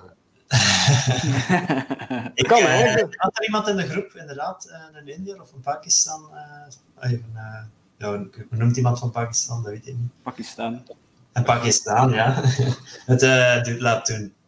Maar ik Ja, je ook kan, eh, als je gewoon naar Fiverr eh, gaat, kun je voor eh, een paar dollar eh, zo iemand inhuren. Hoor. Ik denk zeker met kippencontent, wat niet eh, vertaald hoeft te worden. Ja, ja, ja. Eh, maar ik heb het niet gedaan, een beetje een fout van mij. Eh, en nu heb ik ook het geld niet om iemand te betalen. Uh, tenzij, ja, misschien iemand uit India of zo. Eh, Dat is misschien ook wel een leuke wat je daar zegt, Peter. Ehm, wij spreken allemaal Nederlands. Hè? Ehm, wat, wat uiteindelijk neerkomt op een markt van ongeveer een 21 miljoen mensen. Hè? 15 in Nederland, 6,5 in, in België ongeveer. En heb je het ongeveer gehad. Ehm, Sander, ik heb gezien dat jij in jouw video's Engels spreekt. eh, wat ook wel nodig is als je, als je zegt van de meerderheid van je views komt bijvoorbeeld uit de VS of uit India tegenwoordig. Hè? Was het, 20% of zo? Ik weet het niet meer. Ehm, heb, je, heb je gemerkt dat dat echt beperkend is? Is dat een bewuste keuze die je gemaakt hebt vanaf een bepaald moment dat je dat bent beginnen doen? Of, of allee, hoe, heb je al eens ge- geëxperimenteerd met Nederlandstalige video's? Mm, bij mij is het eigenlijk van in het begin altijd al Engels geweest. Eh, ik heb ooit eens een sponsor gehad die wel vroeg eh, om een video in het Nederlands te maken. Eh, ze hebben veel, veel geluk gehad, want die video heeft dan nog over de 200.000 views gehaald. Eh, dat is niet verwacht voor eh, een gesponsorde Nederlandstalige video. maar ja, er werd, ik, ik zei er ook niet zoveel in, want het ging voornamelijk over de kuikens en hoe je een kooi eh, klaarzet en zo. En ik denk dat ook gewoon de handelingen op zich al duidelijk genoeg waren, want ik moet dit en dat doen. Dus of je nu verstond wat ik zei of niet, eh, ik denk dat de beelden genoeg eh, informatie gaven. Maar nee, soms zit ik wel te denken, omdat ja, Engels, ja, oké, ik heb me dat zelf zo aangeleerd. Want ik heb middelbaar technische gedaan. Dus we hadden maar twee uur Engels. Eh, ik had vaak het gevoel van, ik kan het eigenlijk al beter dan, dan in dat ik zie in de les. Behalve misschien zo die tijden en hoe dat je het juist schrijft en zo. Maar eh, Maar is het iets wat noodzakelijk is om te kunnen groeien? Want uiteindelijk, je zegt, eh, straks zei je 50.000 views om ervan te kunnen leven. Hè? Met, met, ik weet niet wat je juist zei, zoveel bruto. Dat, dat, is, dat is te doen hè, in het Nederlands. Of, of, is dat, of is dat zo super onrealistisch? Wat zijn zo... ik merk nu inderdaad dat er wel eh, kanalen komen in het Nederlands ook. Eh bijvoorbeeld Westerama, Semi, eh, Celine en Michiel. Ehm gewoon noemt die andere Acid, die de prijs had gewonnen van de, van de Jamies. Ja. Eh, Maar 50.000 Ja. views is heel veel. Hè? Het, klinkt misschien weinig, maar we hebben laatst een onderzoek gedaan. eh, naar alle Nederlandstalige video's, of Nederlandse video's, dus niet Nederlandstalig. Ehm, eh, wel Nederlandstalige video's van Nederlandse kanalen, zo, zo moet ik het goed zeggen. Er waren eh, meer dan een half miljoen video's. Hoeveel procent denk je dat er meer dan 5000 views heeft? 5000. Wie- Hoeveel procent heeft er meer dan 5000? Wacht, hè, en op, eh, op het totaal of op mensen die Ja. Nee, nee, nee, maar ik bedoel, maar, maar 20% van de video's die in Nederlandstalig hebben, maar, hebben meer dan 5000 views. 80% haalt niet meer dan 5000 views. En Ah, als je kijkt, Uh, 3, 4 procent heeft volgens mij iets meer dan 100.000 views. Dus als je, als je meer dan 5000 views hebt, ben je echt al een uh, outperformer eigenlijk. Uh, maar je, je, triggerde mij net, want je zei hoe kun je dan, en volgens mij is dat jouw doelgroep ook zelfstandigen en, en freelancers en, en ZZP'ers. daar ken ik ook wel een aantal voorbeelden van die dat eigenlijk heel specifiek doen, maar die niet moeten, helemaal niet leven van advertentieomzet. Ik sprak vorig jaar had contact met Charlotte Meinersma, een Nederlandse juriste die blogt ook heel veel over uh, uh, arbeidsrecht of uh, andere copyright is vooral niet, volgens mij niet arbeidsrecht en. En zij is een paar jaar geleden begonnen met, met bloggen. En doet ze op vrijdag doet ze een inhoudelijke blog.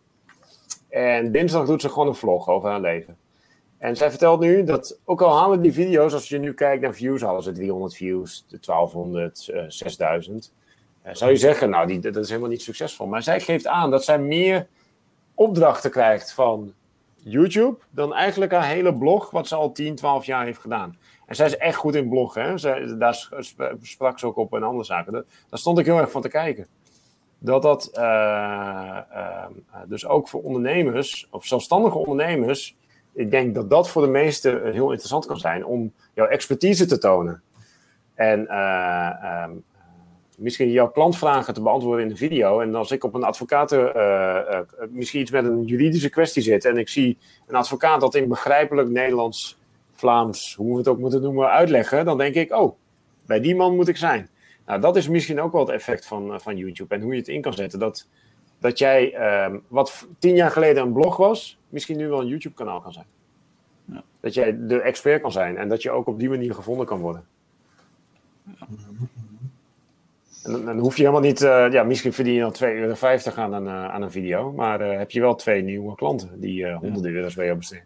Maar in dat geval is, is de Nederlandse taal, dat is dan de kracht dan, omdat je dan, dan ga je specifiek heel niche, hè, want, want, want om dan te concurreren met, met de Engelstalige markt, want uiteraard de Engelstalige markt is gigantisch, dat is meer dan ja. 4 miljard mensen, maar, maar dat is uiteraard veel meer concurrentie ook natuurlijk dan.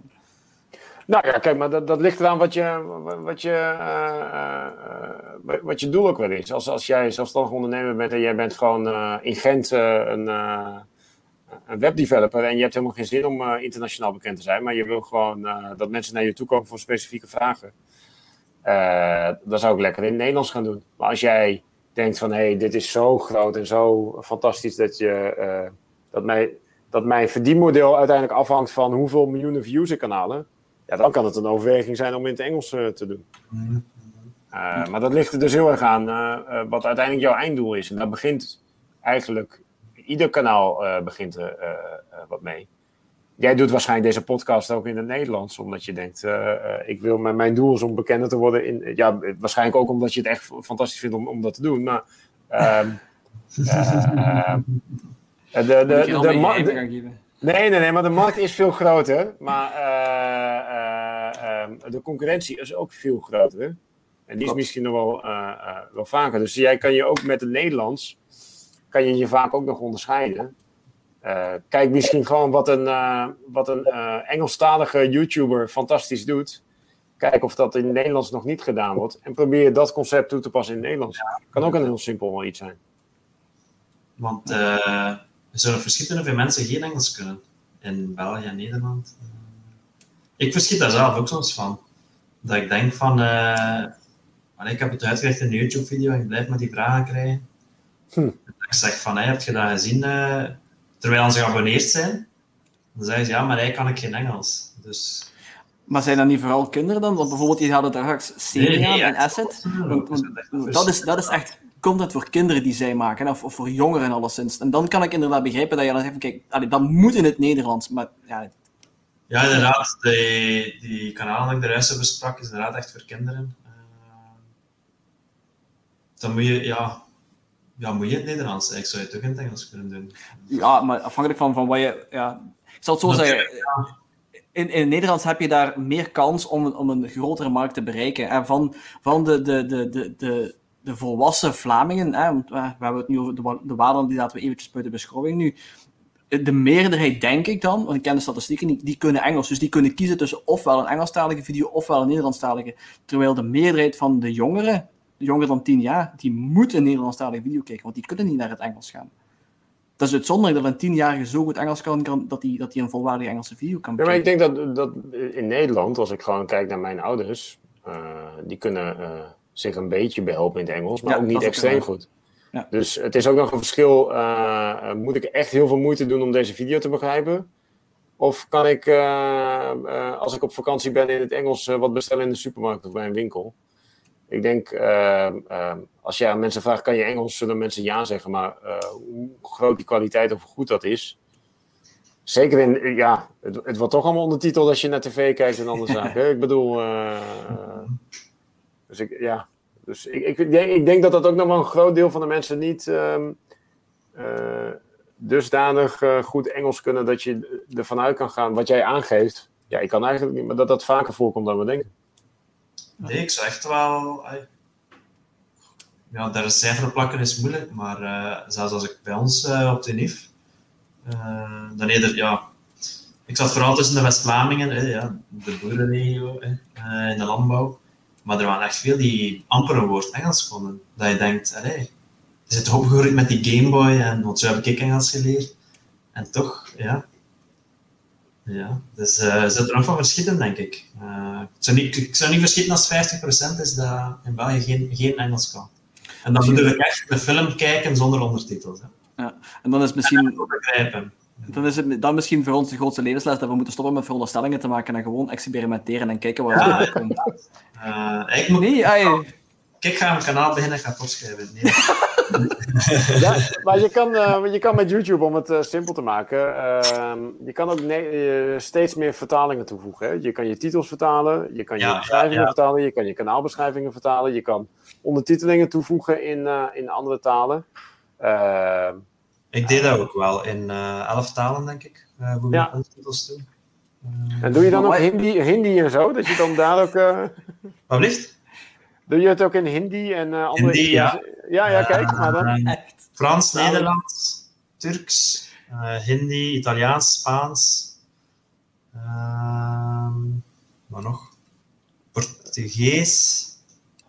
Heb je Zuid-Koreaans al geprobeerd? Ik bedoel, dat is echt extreem. Nee, echt. Welk? het- het- Zuid-Koreaans. Of Koreaans is dat Nee, waarschijnlijk. nee, nee, dat niet, dat niet. Als je kijkt naar de statistieken, is dat het meest gekke, eh, de meest fanatieke YouTube-land eh, wat er ongeveer is. De Ja? Koreanen. Ja.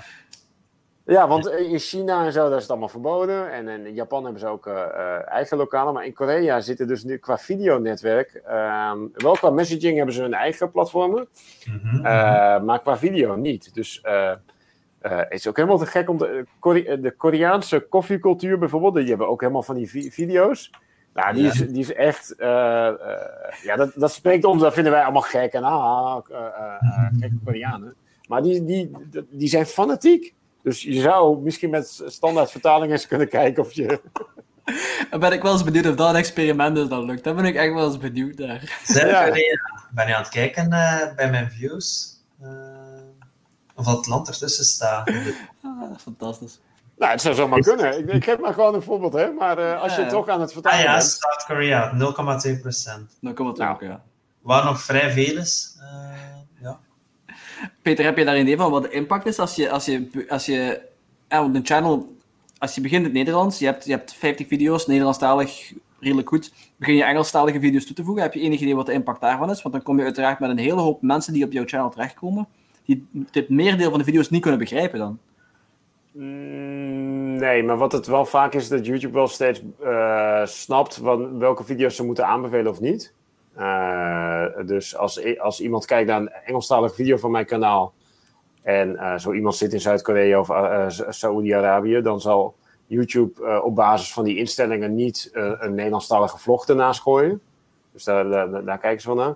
Maar om, ehm, we hebben wel een voorbeeld van, van een klant. ehm, nou, dat ging dan een interview van eh, een of andere Netflix-serie, ik ben het vergeten. Wat hebben we, eh, na twee weken hebben we dan eh, Engelse titels en Engelse vertalingen toegevoegd. En dat ging echt eh 600% eh, extra views. Dus werd hij opeens opgepakt op andere kanalen. Dus zo zou je wel je Nederlandse kanaal, of als jij Nederlandstalige content hebt die misschien ook zonder eh, dat je alles wat er gesproken wordt eh, kan, eh, kan, kan doen.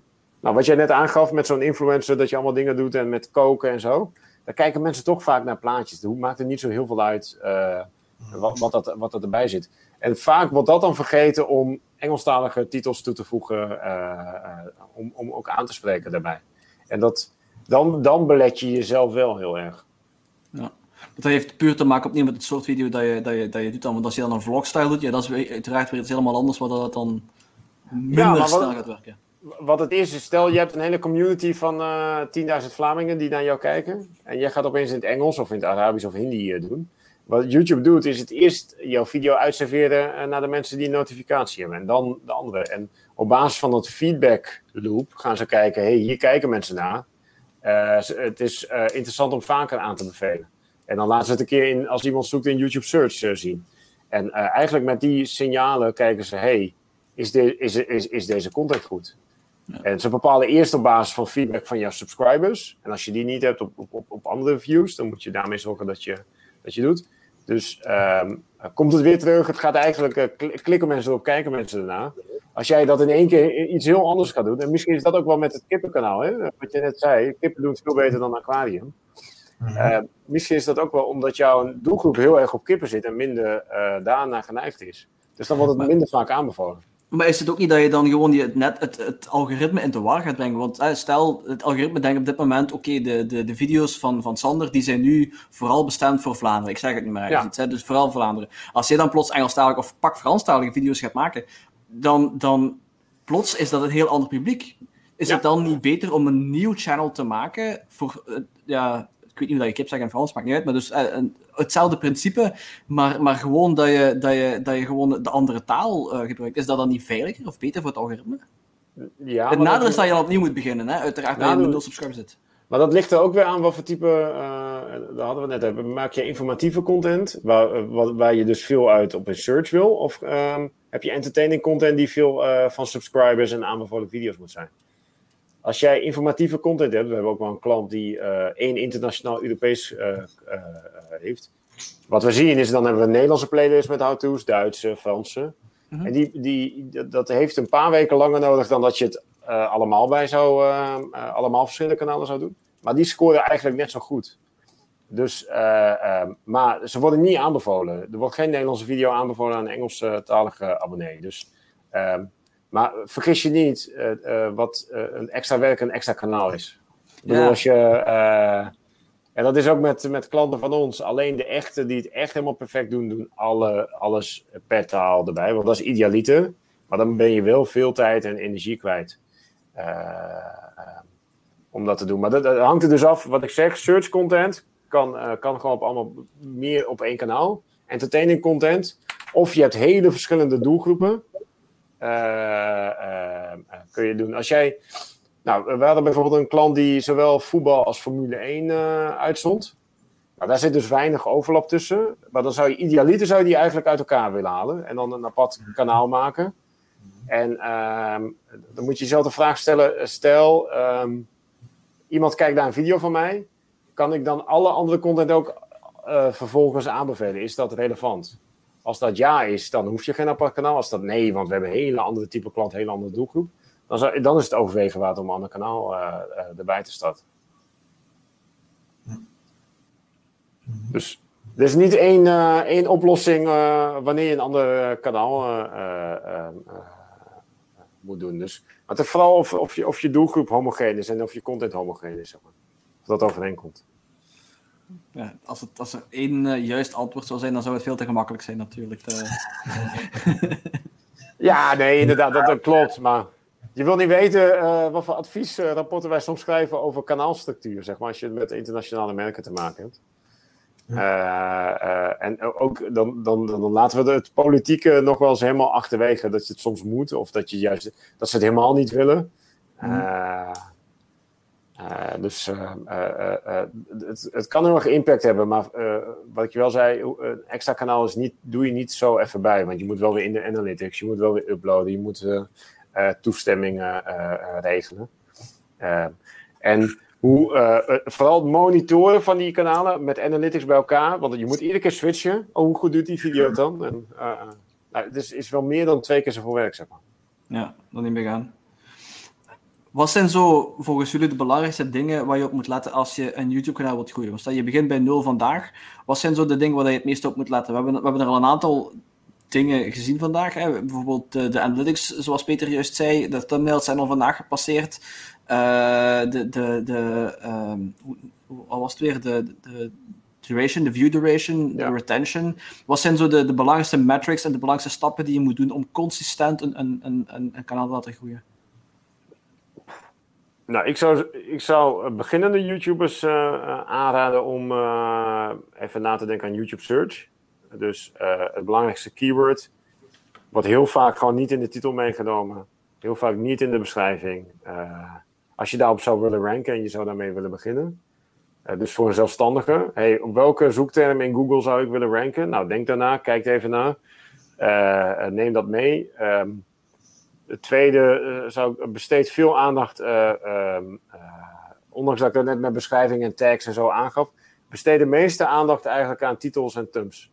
Dat is eigenlijk je, je hoe, hoe noemen we dat? De gatekeeper to attention. De poortwachter. Dat bepaalt of iemand klikt of kijkt.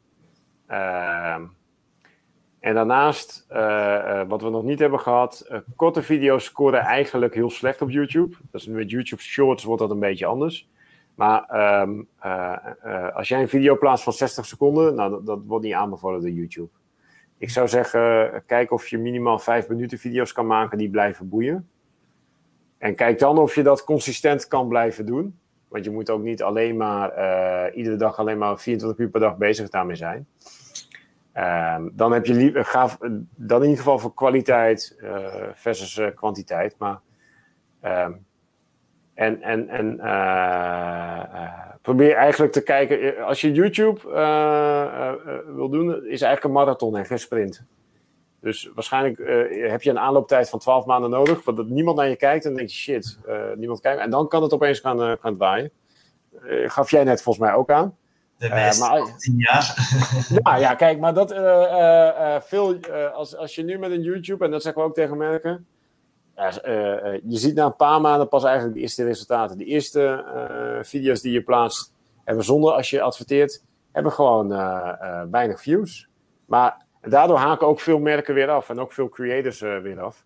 Maar juist als jij blijft doorgaan en consequent de juiste dingen blijft goed doen, dus goede terms, goede titels, langere video's waar mensen naar blijven kijken, dan kan de beloning op, aan het eind veel groter zijn dan eigenlijk andere platformen wat we zien.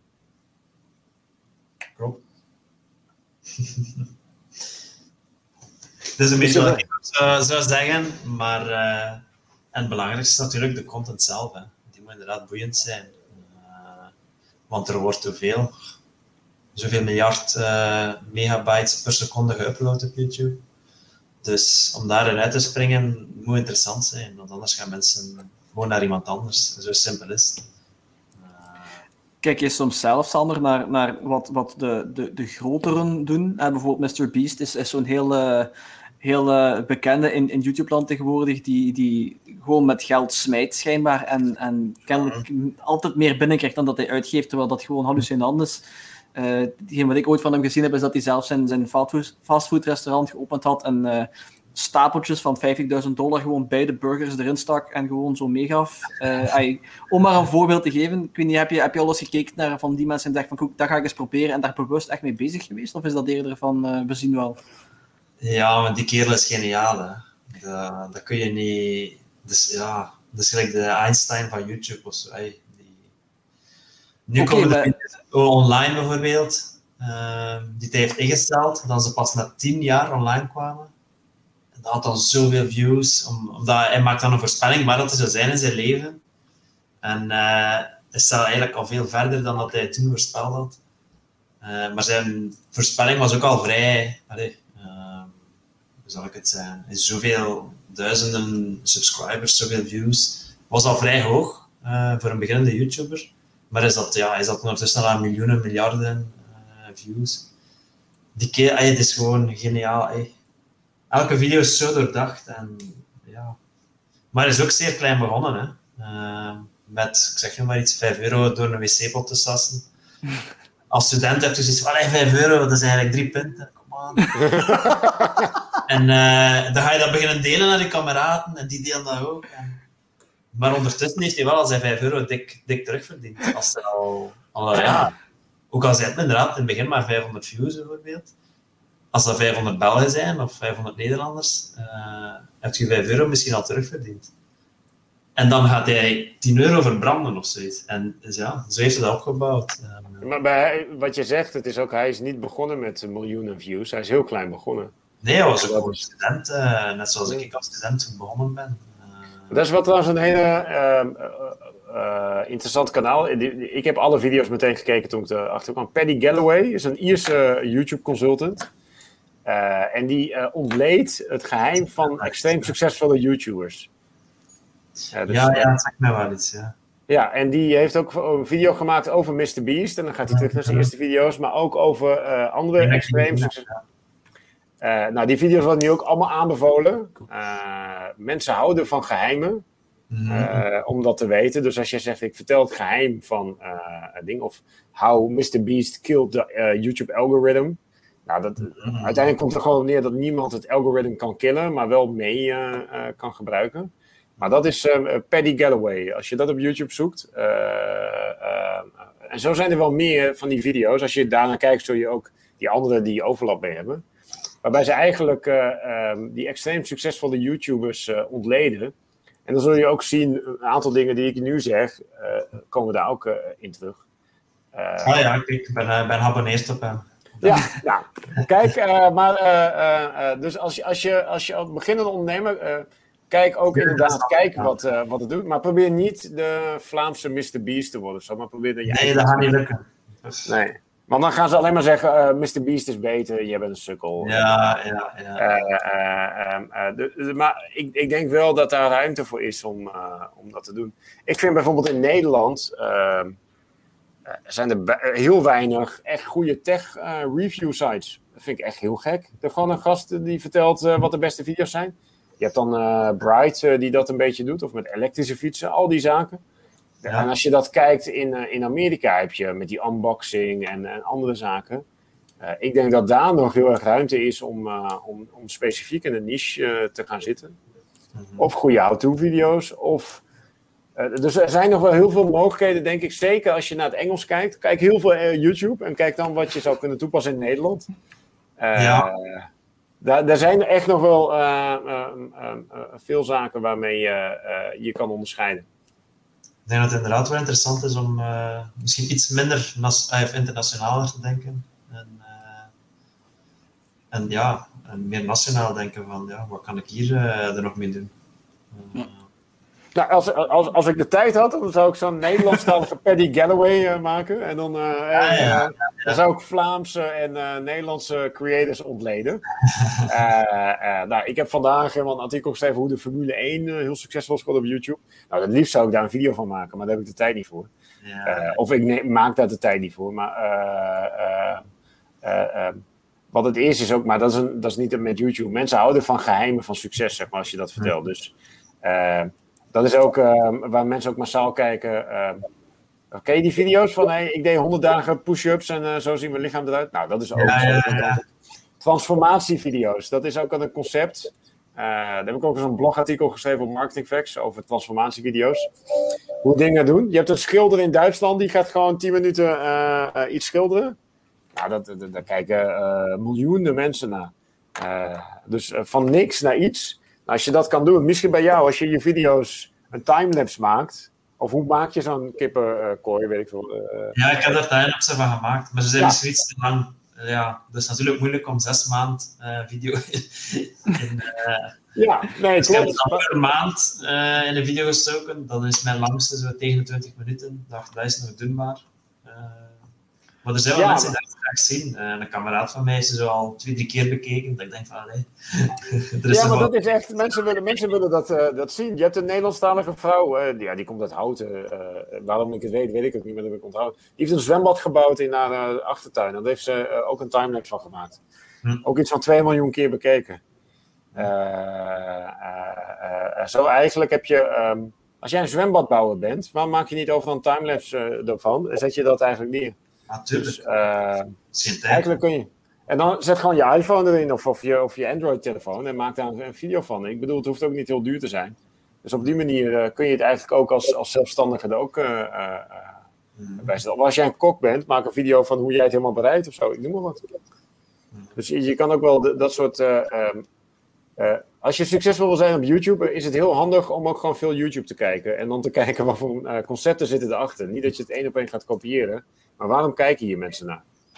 Een beetje creative stealing, hè? Niet gaan kopiëren, maar de ideeën, de ideeën stelen, zeg maar. Ja, en toepassen op je eigen passie, je eigen concept, je eigen content.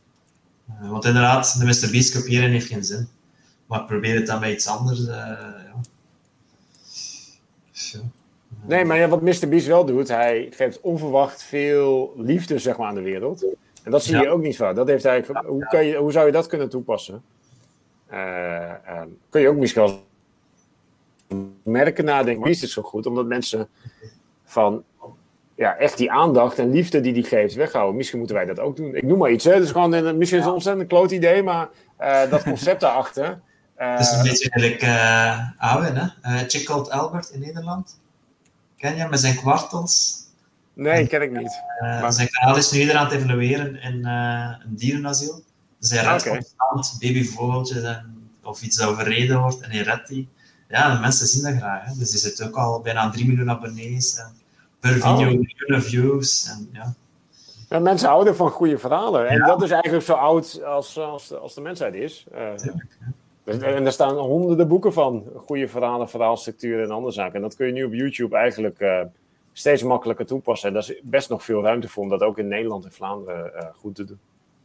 En hij zegt geen woord ook hè, in zijn video's. Ik kan zo af en toe een keer een zin. ah. Dus misschien zou zoiets hebben van, oh, ik kan echt geen Engels. Hij is nu ook begonnen met een, een Portugees of een Spaans kanaal. Dat spreekt hij blijkbaar wel. Ik weet niet waarom dat hij daar mee begonnen is. Misschien omdat hij denkt van, hey, daar is nog, uh, misschien nog een niche. ah, ja. Hij heruploadt eigenlijk zijn video's in het Spaans nu. Dus het zijn eigenlijk exact dezelfde video's. Maar ja. Het is ook soms een beetje proberen. Hè. En ja, je mag geen schrik hebben van, van te vallen. Hè is vallen en opstaan. Het gaat nooit van de eerste keer. Eh. Dan moet je veel geluk hebben dat het van de eerste keer zeer goed gaat. Peter, uh, als ik het goed heb, jij werkt vooral met, met de grotere bedrijven en de gamma's heb je vandaag gezegd, de Telegraaf. Maar als ik, als ik zo'n beetje het gesprek hoor, zie jij, en verbeter me als ik fout ben, geen enkele reden om als eender welke zelfstandige te beginnen met YouTube-kanaal? Of, of mis ik daar uh, een, een, deel van? Uh, nee, ik denk juist, want heel veel zelfstandigen zullen dat denken. van hé, ja, maar ik begin geen YouTube-kanaal, want dan kan dat niet en weet ik veel wat en het is moeilijk. Maar daar heb je veel minder concurrentie. Ik gaf net al een voorbeeld aan van die juristen. -huh. nou, ik gaf net een voorbeeld aan als ik een zwembadbouwer zou zijn, zeg maar, dat soort ideeën hoe je dat kan toepassen, dat hoeft helemaal niet extreem duur te zijn. En je hoeft ook niet, omdat YouTube vol staat met kattenfilmpjes en vlogs, hoef jij dat niet te doen. Mensen zijn ook, en dan kwam het begin een zoekmachine, mensen zijn op zoek naar informatie. Kijk hoe je dat, hoe, hoe kan jij mensen helpen met how-to-video's? Nou, echt, voor instructies gaan mensen nu naar YouTube en, en veel minder naar Google. Of in Google komen YouTube-filmpjes voorbij. Uh, hoe moet je dit en dit? Nou, echt, ik, ik zie uh, bij heel veel klanten echt sommige video's van 7, 8 jaar. Laatst zag je dat van Wekamp. Uh, ik weet niet of dat in Vlaanderen maar een, een, een, een, een retailer, e-commerce. hoe moet je strijken? Nou, die heeft gewoon uh, 200.000 views. Ik, weet, ik noem maar wat, hè? Ja. En dat is iedere keer, ja, ja. Dus, uh, of hoe werkt dit, of hoe werkt dat? Uh, dat kun jij als zelfstandige, jij bent die expert, jij hebt daar verstand van. Als ik nu zelfstandige zou zijn, ik zou een nieuw, nieuwe niche pakken en ik zou, ik, ik heb heel veel geblogd. Ik zou dan een YouTube-kanaal starten met een blog erbij en dan uit gaan leggen. De, de, de grote shift, en die gaat nu nog echt komen, is dat wat, wat veel nu nog in tekst is, zal straks meer in video zijn. Sommige dingen niet, maar uh, als je op die manier uh, gewoon uit kan leggen van hey, hoe. Ik, ik ken best wel, maar best wel veel zelfstandigen. Als ze het doen, kun je heel succesvol zijn. Maar, en, en het hoeft niet zo moeilijk te zijn. Die editing services en zo, alles staat op internet, hè, hoe je het moet doen en hoe je kanaal moet starten. Heel veel dingen, heel veel advies wat ik geef, staat gewoon op internet. Alleen ze betalen hiervoor om het om beter te doen. Er zijn ook heel veel dingen die niet op internet staan die wij zelf weten. Maar uh, juist doordat veel partijen denken, oh video, dat doe ik niet. En ik moet wat van persoon, hoeft dat ook allemaal niet. ik zou wel eens willen weten ehm, of dat succesvol, hoe, hoe dat wil doen. Een ander voorbeeldje is bijvoorbeeld een taalschool in, in Nederland. Die, die zich richt op experts. Die maakt gewoon video's over taaloefeningen. Uh, en, maar hij laat ook experts aan het woord en dan laten ze Nederlandse woorden uitspreken of Nederlandse gewoontes. Volgens mij is het uh, Dutch Learning Courses Battenpauw. Zo, ik, ik, ik, kan hem wel opzoeken. Maar die had ook honderdduizenden views. Uh, als jij een rijinstructeur bent hè, in, in, in Gent of in, in, ik wou zeggen in Anderlecht, nou, in Brussel of ik noem maar wat, wat er mij nu opkomt. Ik ben meer voetbalminded. Um,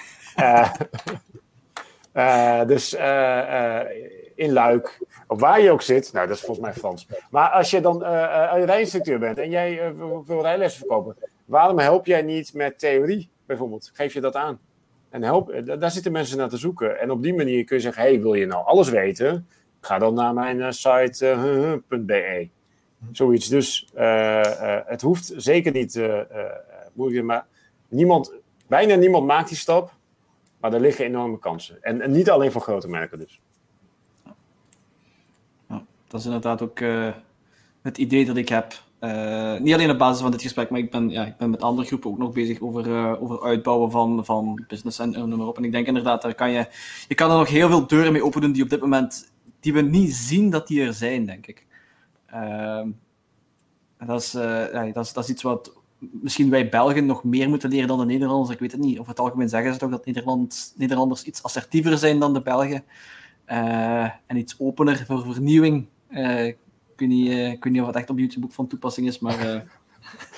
Nederlanders zijn wat vaak wat directer en wat onbeschofter, heb ik het idee.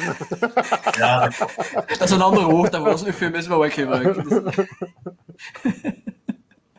dat zijn maar goed, eh, nee, dat is, dat is een andere eh, benaming. Maar qua online is het misschien zo dat Nederlanders eh, wat, wat meer voorlopen. dat zeker. Maar dat geeft alleen maar aan dat. Ehm, want dat heb ik ook vaak gemerkt. En dan zeggen ze: ja, maar niemand doet het. Ik zeg: juist daarom moet jij het doen. Want dat is een enorme kans. als iedereen het al zou doen, dan zou je met mij niet in gesprek gaan. Dus het argument van nog niemand doet het in, in België, of dat doen Belgen niet, of dat is. Dat, dat komt vooral nu omdat we in deze tijd zitten dat nog niemand het doet, maar over een paar jaar wel. En dan sla je misschien wel voor de kop dat jij het niet bent geweest. Een beetje met Bitcoin eigenlijk. Uh, nou ja, uh, misschien op dit moment niet. Ik weet niet wat hij vandaag heeft gedaan. Maar... ja, Bitcoin is nu, is nu een risico, maar daar, de FOMO is real, laat ons het zo zeggen. Uh, ja, ja. En, en, en YouTube ik weet niet of het al zo zichtbaar is. En bij, de, in, in, bij Bitcoin kan je heel mooi het, het, lijntje van de beurs op en af zien gaan. Uh, Maar ik denk inderdaad dat hetzelfde principe wel van toepassing is. Ja. Absoluut. Uh, ik, ik, inderdaad soms uh, interessant om er ja, als de eerste bij te zijn. Hè? ja, vaak, vaak is dat het... Ik ook van, ah, ik kon echt niemand vinden. Ik had dan heel toevallig eens kunnen praten met Awin hè, van het Nederland. En ehm, dat hij dat deed voor belastingen en zo. Want dat, dat waren zo mijn vragen. Hoe, hoe, doe je dat? Want niemand, want als je opzoekt YouTube belastingen, dan vindt niks. Nog altijd niet, ondertussen tien jaar later, je vindt niks. Dus ja, maar ik wou dat echt graag doen. Ik zeg, ik moet dat doen. En, en ja. Ook al zei de eerste, ja, want je moet. Hey, uh, nou, kijk, nu, nu heb ik het voordeel dat ik de eerste ben en dat ik al zo'n groot kanaal heb over kippen. En nu willen mensen dat ook doen en komen ze lessen voor bij mij en vragen ze tips. En ja, dan zien ze dat het moeilijk is, want er is al wat meer concurrentie en ze hebben minder ideeën, want ze willen iets anders doen dan mij. Maar ja, het is... Als het er nog niet is, is er, is er misschien wel een markt voor en moet je het inderdaad gewoon proberen. Nou, denk gewoon na van, zou ik zelf uh, naar die video's willen kijken als... Uh, ja, dat is het belangrijkste. was ik zelf op zoek naar, naar zoiets als ik beginnend was en ik ben expert erin? Nou, als dat antwoord ja is, dan denk ik dat er veel meer mensen zijn die dat zouden kunnen hebben. ja, en de, vaak de eerste kan enorme voordelen geven, die eigenlijk op een gegeven moment niet meer in te halen zijn door anderen, omdat je het laat. Maar goed, ook al ben je laat, dan moet je het op een andere manier doen of je onderscheiden daarmee. Ik bedoel, uh, misschien zijn er al wel wat die het doen, maar. Uh, ja, daarom is het niet hè? Conclusie voor mij is eigenlijk ook naar vanavond weer: YouTube biedt enorm veel kansen voor creators en merken. En, en, en, en, die liggen eigenlijk voor het oprapen als je er echt wil in, in investeren. En dan vooral tijd en energie, nog ineens het geld. Ja. Uh, ik, ik, ga de laatste vraag stellen aan jullie twee, en dat is, dat is precies uh, misschien een klein beetje egoïstisch. Maar hoe zouden jullie een, een, een YouTube-kanaal voor, voor een podcast laten groeien? Welke, jouw kanaal bedoel je? Bijvoorbeeld, bijvoorbeeld. ah, gewoon een aantal tips die, die, die je bijvoorbeeld, omdat dat als case study kan gebruiken, hoe, hoe zou je dat, dat laten groeien? Een YouTube-kanaal over pod, uh, podcastkanaal. Over een podcast, bijvoorbeeld. Ah ja, je zou enkel zuiver dat doen, bijvoorbeeld. Ja. Ah ja, ja, ja.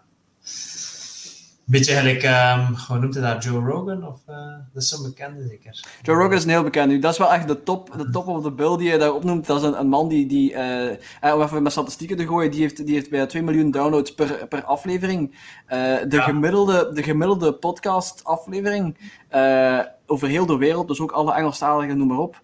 Um, die hebben binnen de 30 dagen een, een, een 120-tal uh, downloads. En dan ben je boven de 50%, bij de 50% beste als je dat haalt.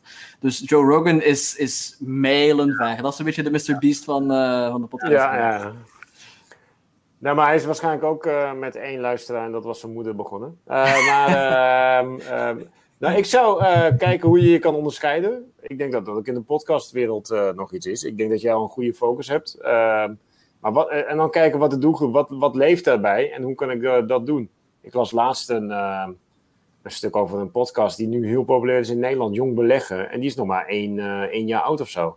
En die heeft een heel duidelijk doelgroep, één topic waar zij de expert over zijn.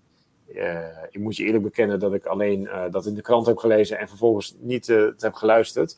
Maar, dus ik kan je niet zeggen hoe goed die host of wat dat zijn. Maar die hebben wel een hele duidelijke. Goede focus eigenlijk. Goede focus. Als jij uh, uh, wat, wat, wat, heb ik eraan? Nou, als, als jij zegt, ik ga freelancers meer succesvol maken. Nou, dan kun je dat op die manier doen. En wat zouden ze dan willen weten? Dat kan uh, aan de ene kant praktische informatie zijn. nou, als ik nu een podcast over YouTubers zou maken, zou ik een stuk over belastingen maken, hoor ik net. want dat is er niet. Nee, maar over freelancers. misschien ook wel even heel specifiek, heel praktisch, hoe kun je dat doen? Of, wat je net al aangaf, het geheim van succesvolle freelancers. Wat doet een extreem succesvolle freelancer anders dan jou en wat kun je daarvan leren? Ik denk dat dat uh, uh, heel erg is. Nu zitten wij als, als ervaringsdeskundige over YouTube. Maar misschien is het ook wel een freelancer die je echt benijdt of die ook miljoenen binnenhaalt. Uh, en, dat, en dat je die, dat geheim ontleedt, want dat willen andere mensen ook weten. Dus ik denk focus in doelgroep en besteed ook aandacht. Um, wat ik zelf als ik naar podcast luister ook ik bepaal vaak op de titel en de afbeelding of ik het interessant vind om naar die gerelateerde in Spotify te luisteren. En dat is ook weer die gatekeeper, zeg maar, tot uh, to attention. En dan zie ik heel vaak dat daar geen aandacht aan besteed wordt. En, en, en, en zeker met titels, dan staat er gewoon podcast mm, en weet ik veel wat. Nee, uh, waar zou ik zelf op klikken? Waar zou ik zelf op kijken? En dat, en dat eigenlijk proberen te... Zonder dat het clickbait is, hè? Van, uh, ja, ja. Dus je moet wel je promise waarmaken, maar... Dus ja. verplaats je je doelgroep en probeer dat over te maken. De titel voor de video van vandaag. Uh, YouTube expert en chicken expert decode. YouTube algorithm nog steeds. Ja, ja, ja. zo versla jij als freelancer het YouTube-algoritme, zoiets. Ja, ja. Oh ja, kijk, daar gaan we de wereld mee veroveren. Voilà. Dus, ja. uh, het, is, het is bepaald. Oké. Ik denk dat we het een, dream team gevonden hebben. Komt helemaal in orde. nee, maar heel goed. Dus, uh, vond het zeer interessant ook vandaag. Ja, ik, ja. ik moet ook zeggen, ik heb er, ik heb er ook heel veel uit, uit genoteerd en heel veel op uh, uit geleerd. Dus uh, ik ben ook heel blij dat we dit gedaan hebben. Um, Sander, Peter, ik ga jullie heel erg bedanken voor de tijd die jullie hebben vrijgemaakt. Uh, het, was, het was moeilijk om, uh, om een slot te vinden die voor ons allemaal paste, maar we zijn er geraakt. En ik denk dat het. Uh, ik ben persoonlijk heel tevreden met het resultaat. En ik denk dat we er heel veel mensen wel, wel mee kunnen inspireren om de weg naar YouTube en of andere kanalen te, te vinden. Dus ja, heel veel bedankt daarvoor. Ja, ik vond het ook hartstikke en, leuk. Ja. En, ik en dat voor... ik als eerste internationale. Ja, voilà, kijk. Ja, dus, Straks uh, ik, kan ik zeggen, ik was uh, de eerste internationale gast bij de Joe Rogan van de Lage Landen. oh ja, kijk, we zijn, we zijn klein begonnen nu. Hè? Podcast ja. is toch altijd een beetje gelijk YouTube op dat gebied. Misschien binnen ja, een jaar of twee, drie, dan, uh, dan, dan is dat echt, echt iets waard. En dan heeft deze podcast ook miljoenen downloads, hè, wie weet. Ja, kom goed. Sander, Peter, heel hartelijk bedankt. Ik stel voor dat we, dat we contact houden en dat we misschien binnen een jaar eens kijken hoe het, hoe het dan staat met zowel 5pm als met, met de kippen van Sander. En weet ik veel wat hij er tegen dan nog allemaal bij, uh, bij gezwierd heeft, hè? wie weet. En dan, uh, dan heb ik misschien ook eens een, een succesvol YouTube-kanaal om, uh, om, om mee te vergelijken. Kan ik een beetje meepraten dan. Is goed. Oké, okay, nou. Tot over een jaar dan. Mannen, tot binnenkort. Hey. Hallo allemaal en bedankt voor het luisteren naar deze aflevering van de Business Mindset Podcast. Hopelijk was het voor jou net zo interessant als voor ons tijdens het gesprek en heb je er één of meerdere dingen kunnen uithalen voor jezelf of om anderen te helpen in hun onderneming. Voor meer informatie over mijzelf, de gasten of tools, boeken of concepten die we besproken hebben tijdens de podcast, kan je altijd terecht in de omschrijving van deze aflevering. Heb je genoten van de podcast? Vergeet dan zeker niet om het te delen op social media. Dit helpt ons enorm om te groeien en om een groter publiek te bereiken. En hoe sneller we groeien, des te meer tijd we kunnen vrijmaken voor interessante gesprekken waar we zowel zelf als jullie iets kunnen bijleren. Heb je verder vragen of heb je feedback over wat we besproken hebben tijdens de aflevering? Of tips of verzoeken over onderwerpen die we kunnen behandelen? Of wil je iemand aanraden als gast tijdens de podcast? Laat het dan ook zeker weten. In de omschrijving van deze aflevering vind je een link naar alle social media accounts van de podcast en daar kan je ons altijd op bereiken. Volg ons zeker ook op social media, dan blijf je altijd op de hoogte van de nieuwste ontwikkelingen en van de volgende afleveringen. Thanks again en tot de volgende keer.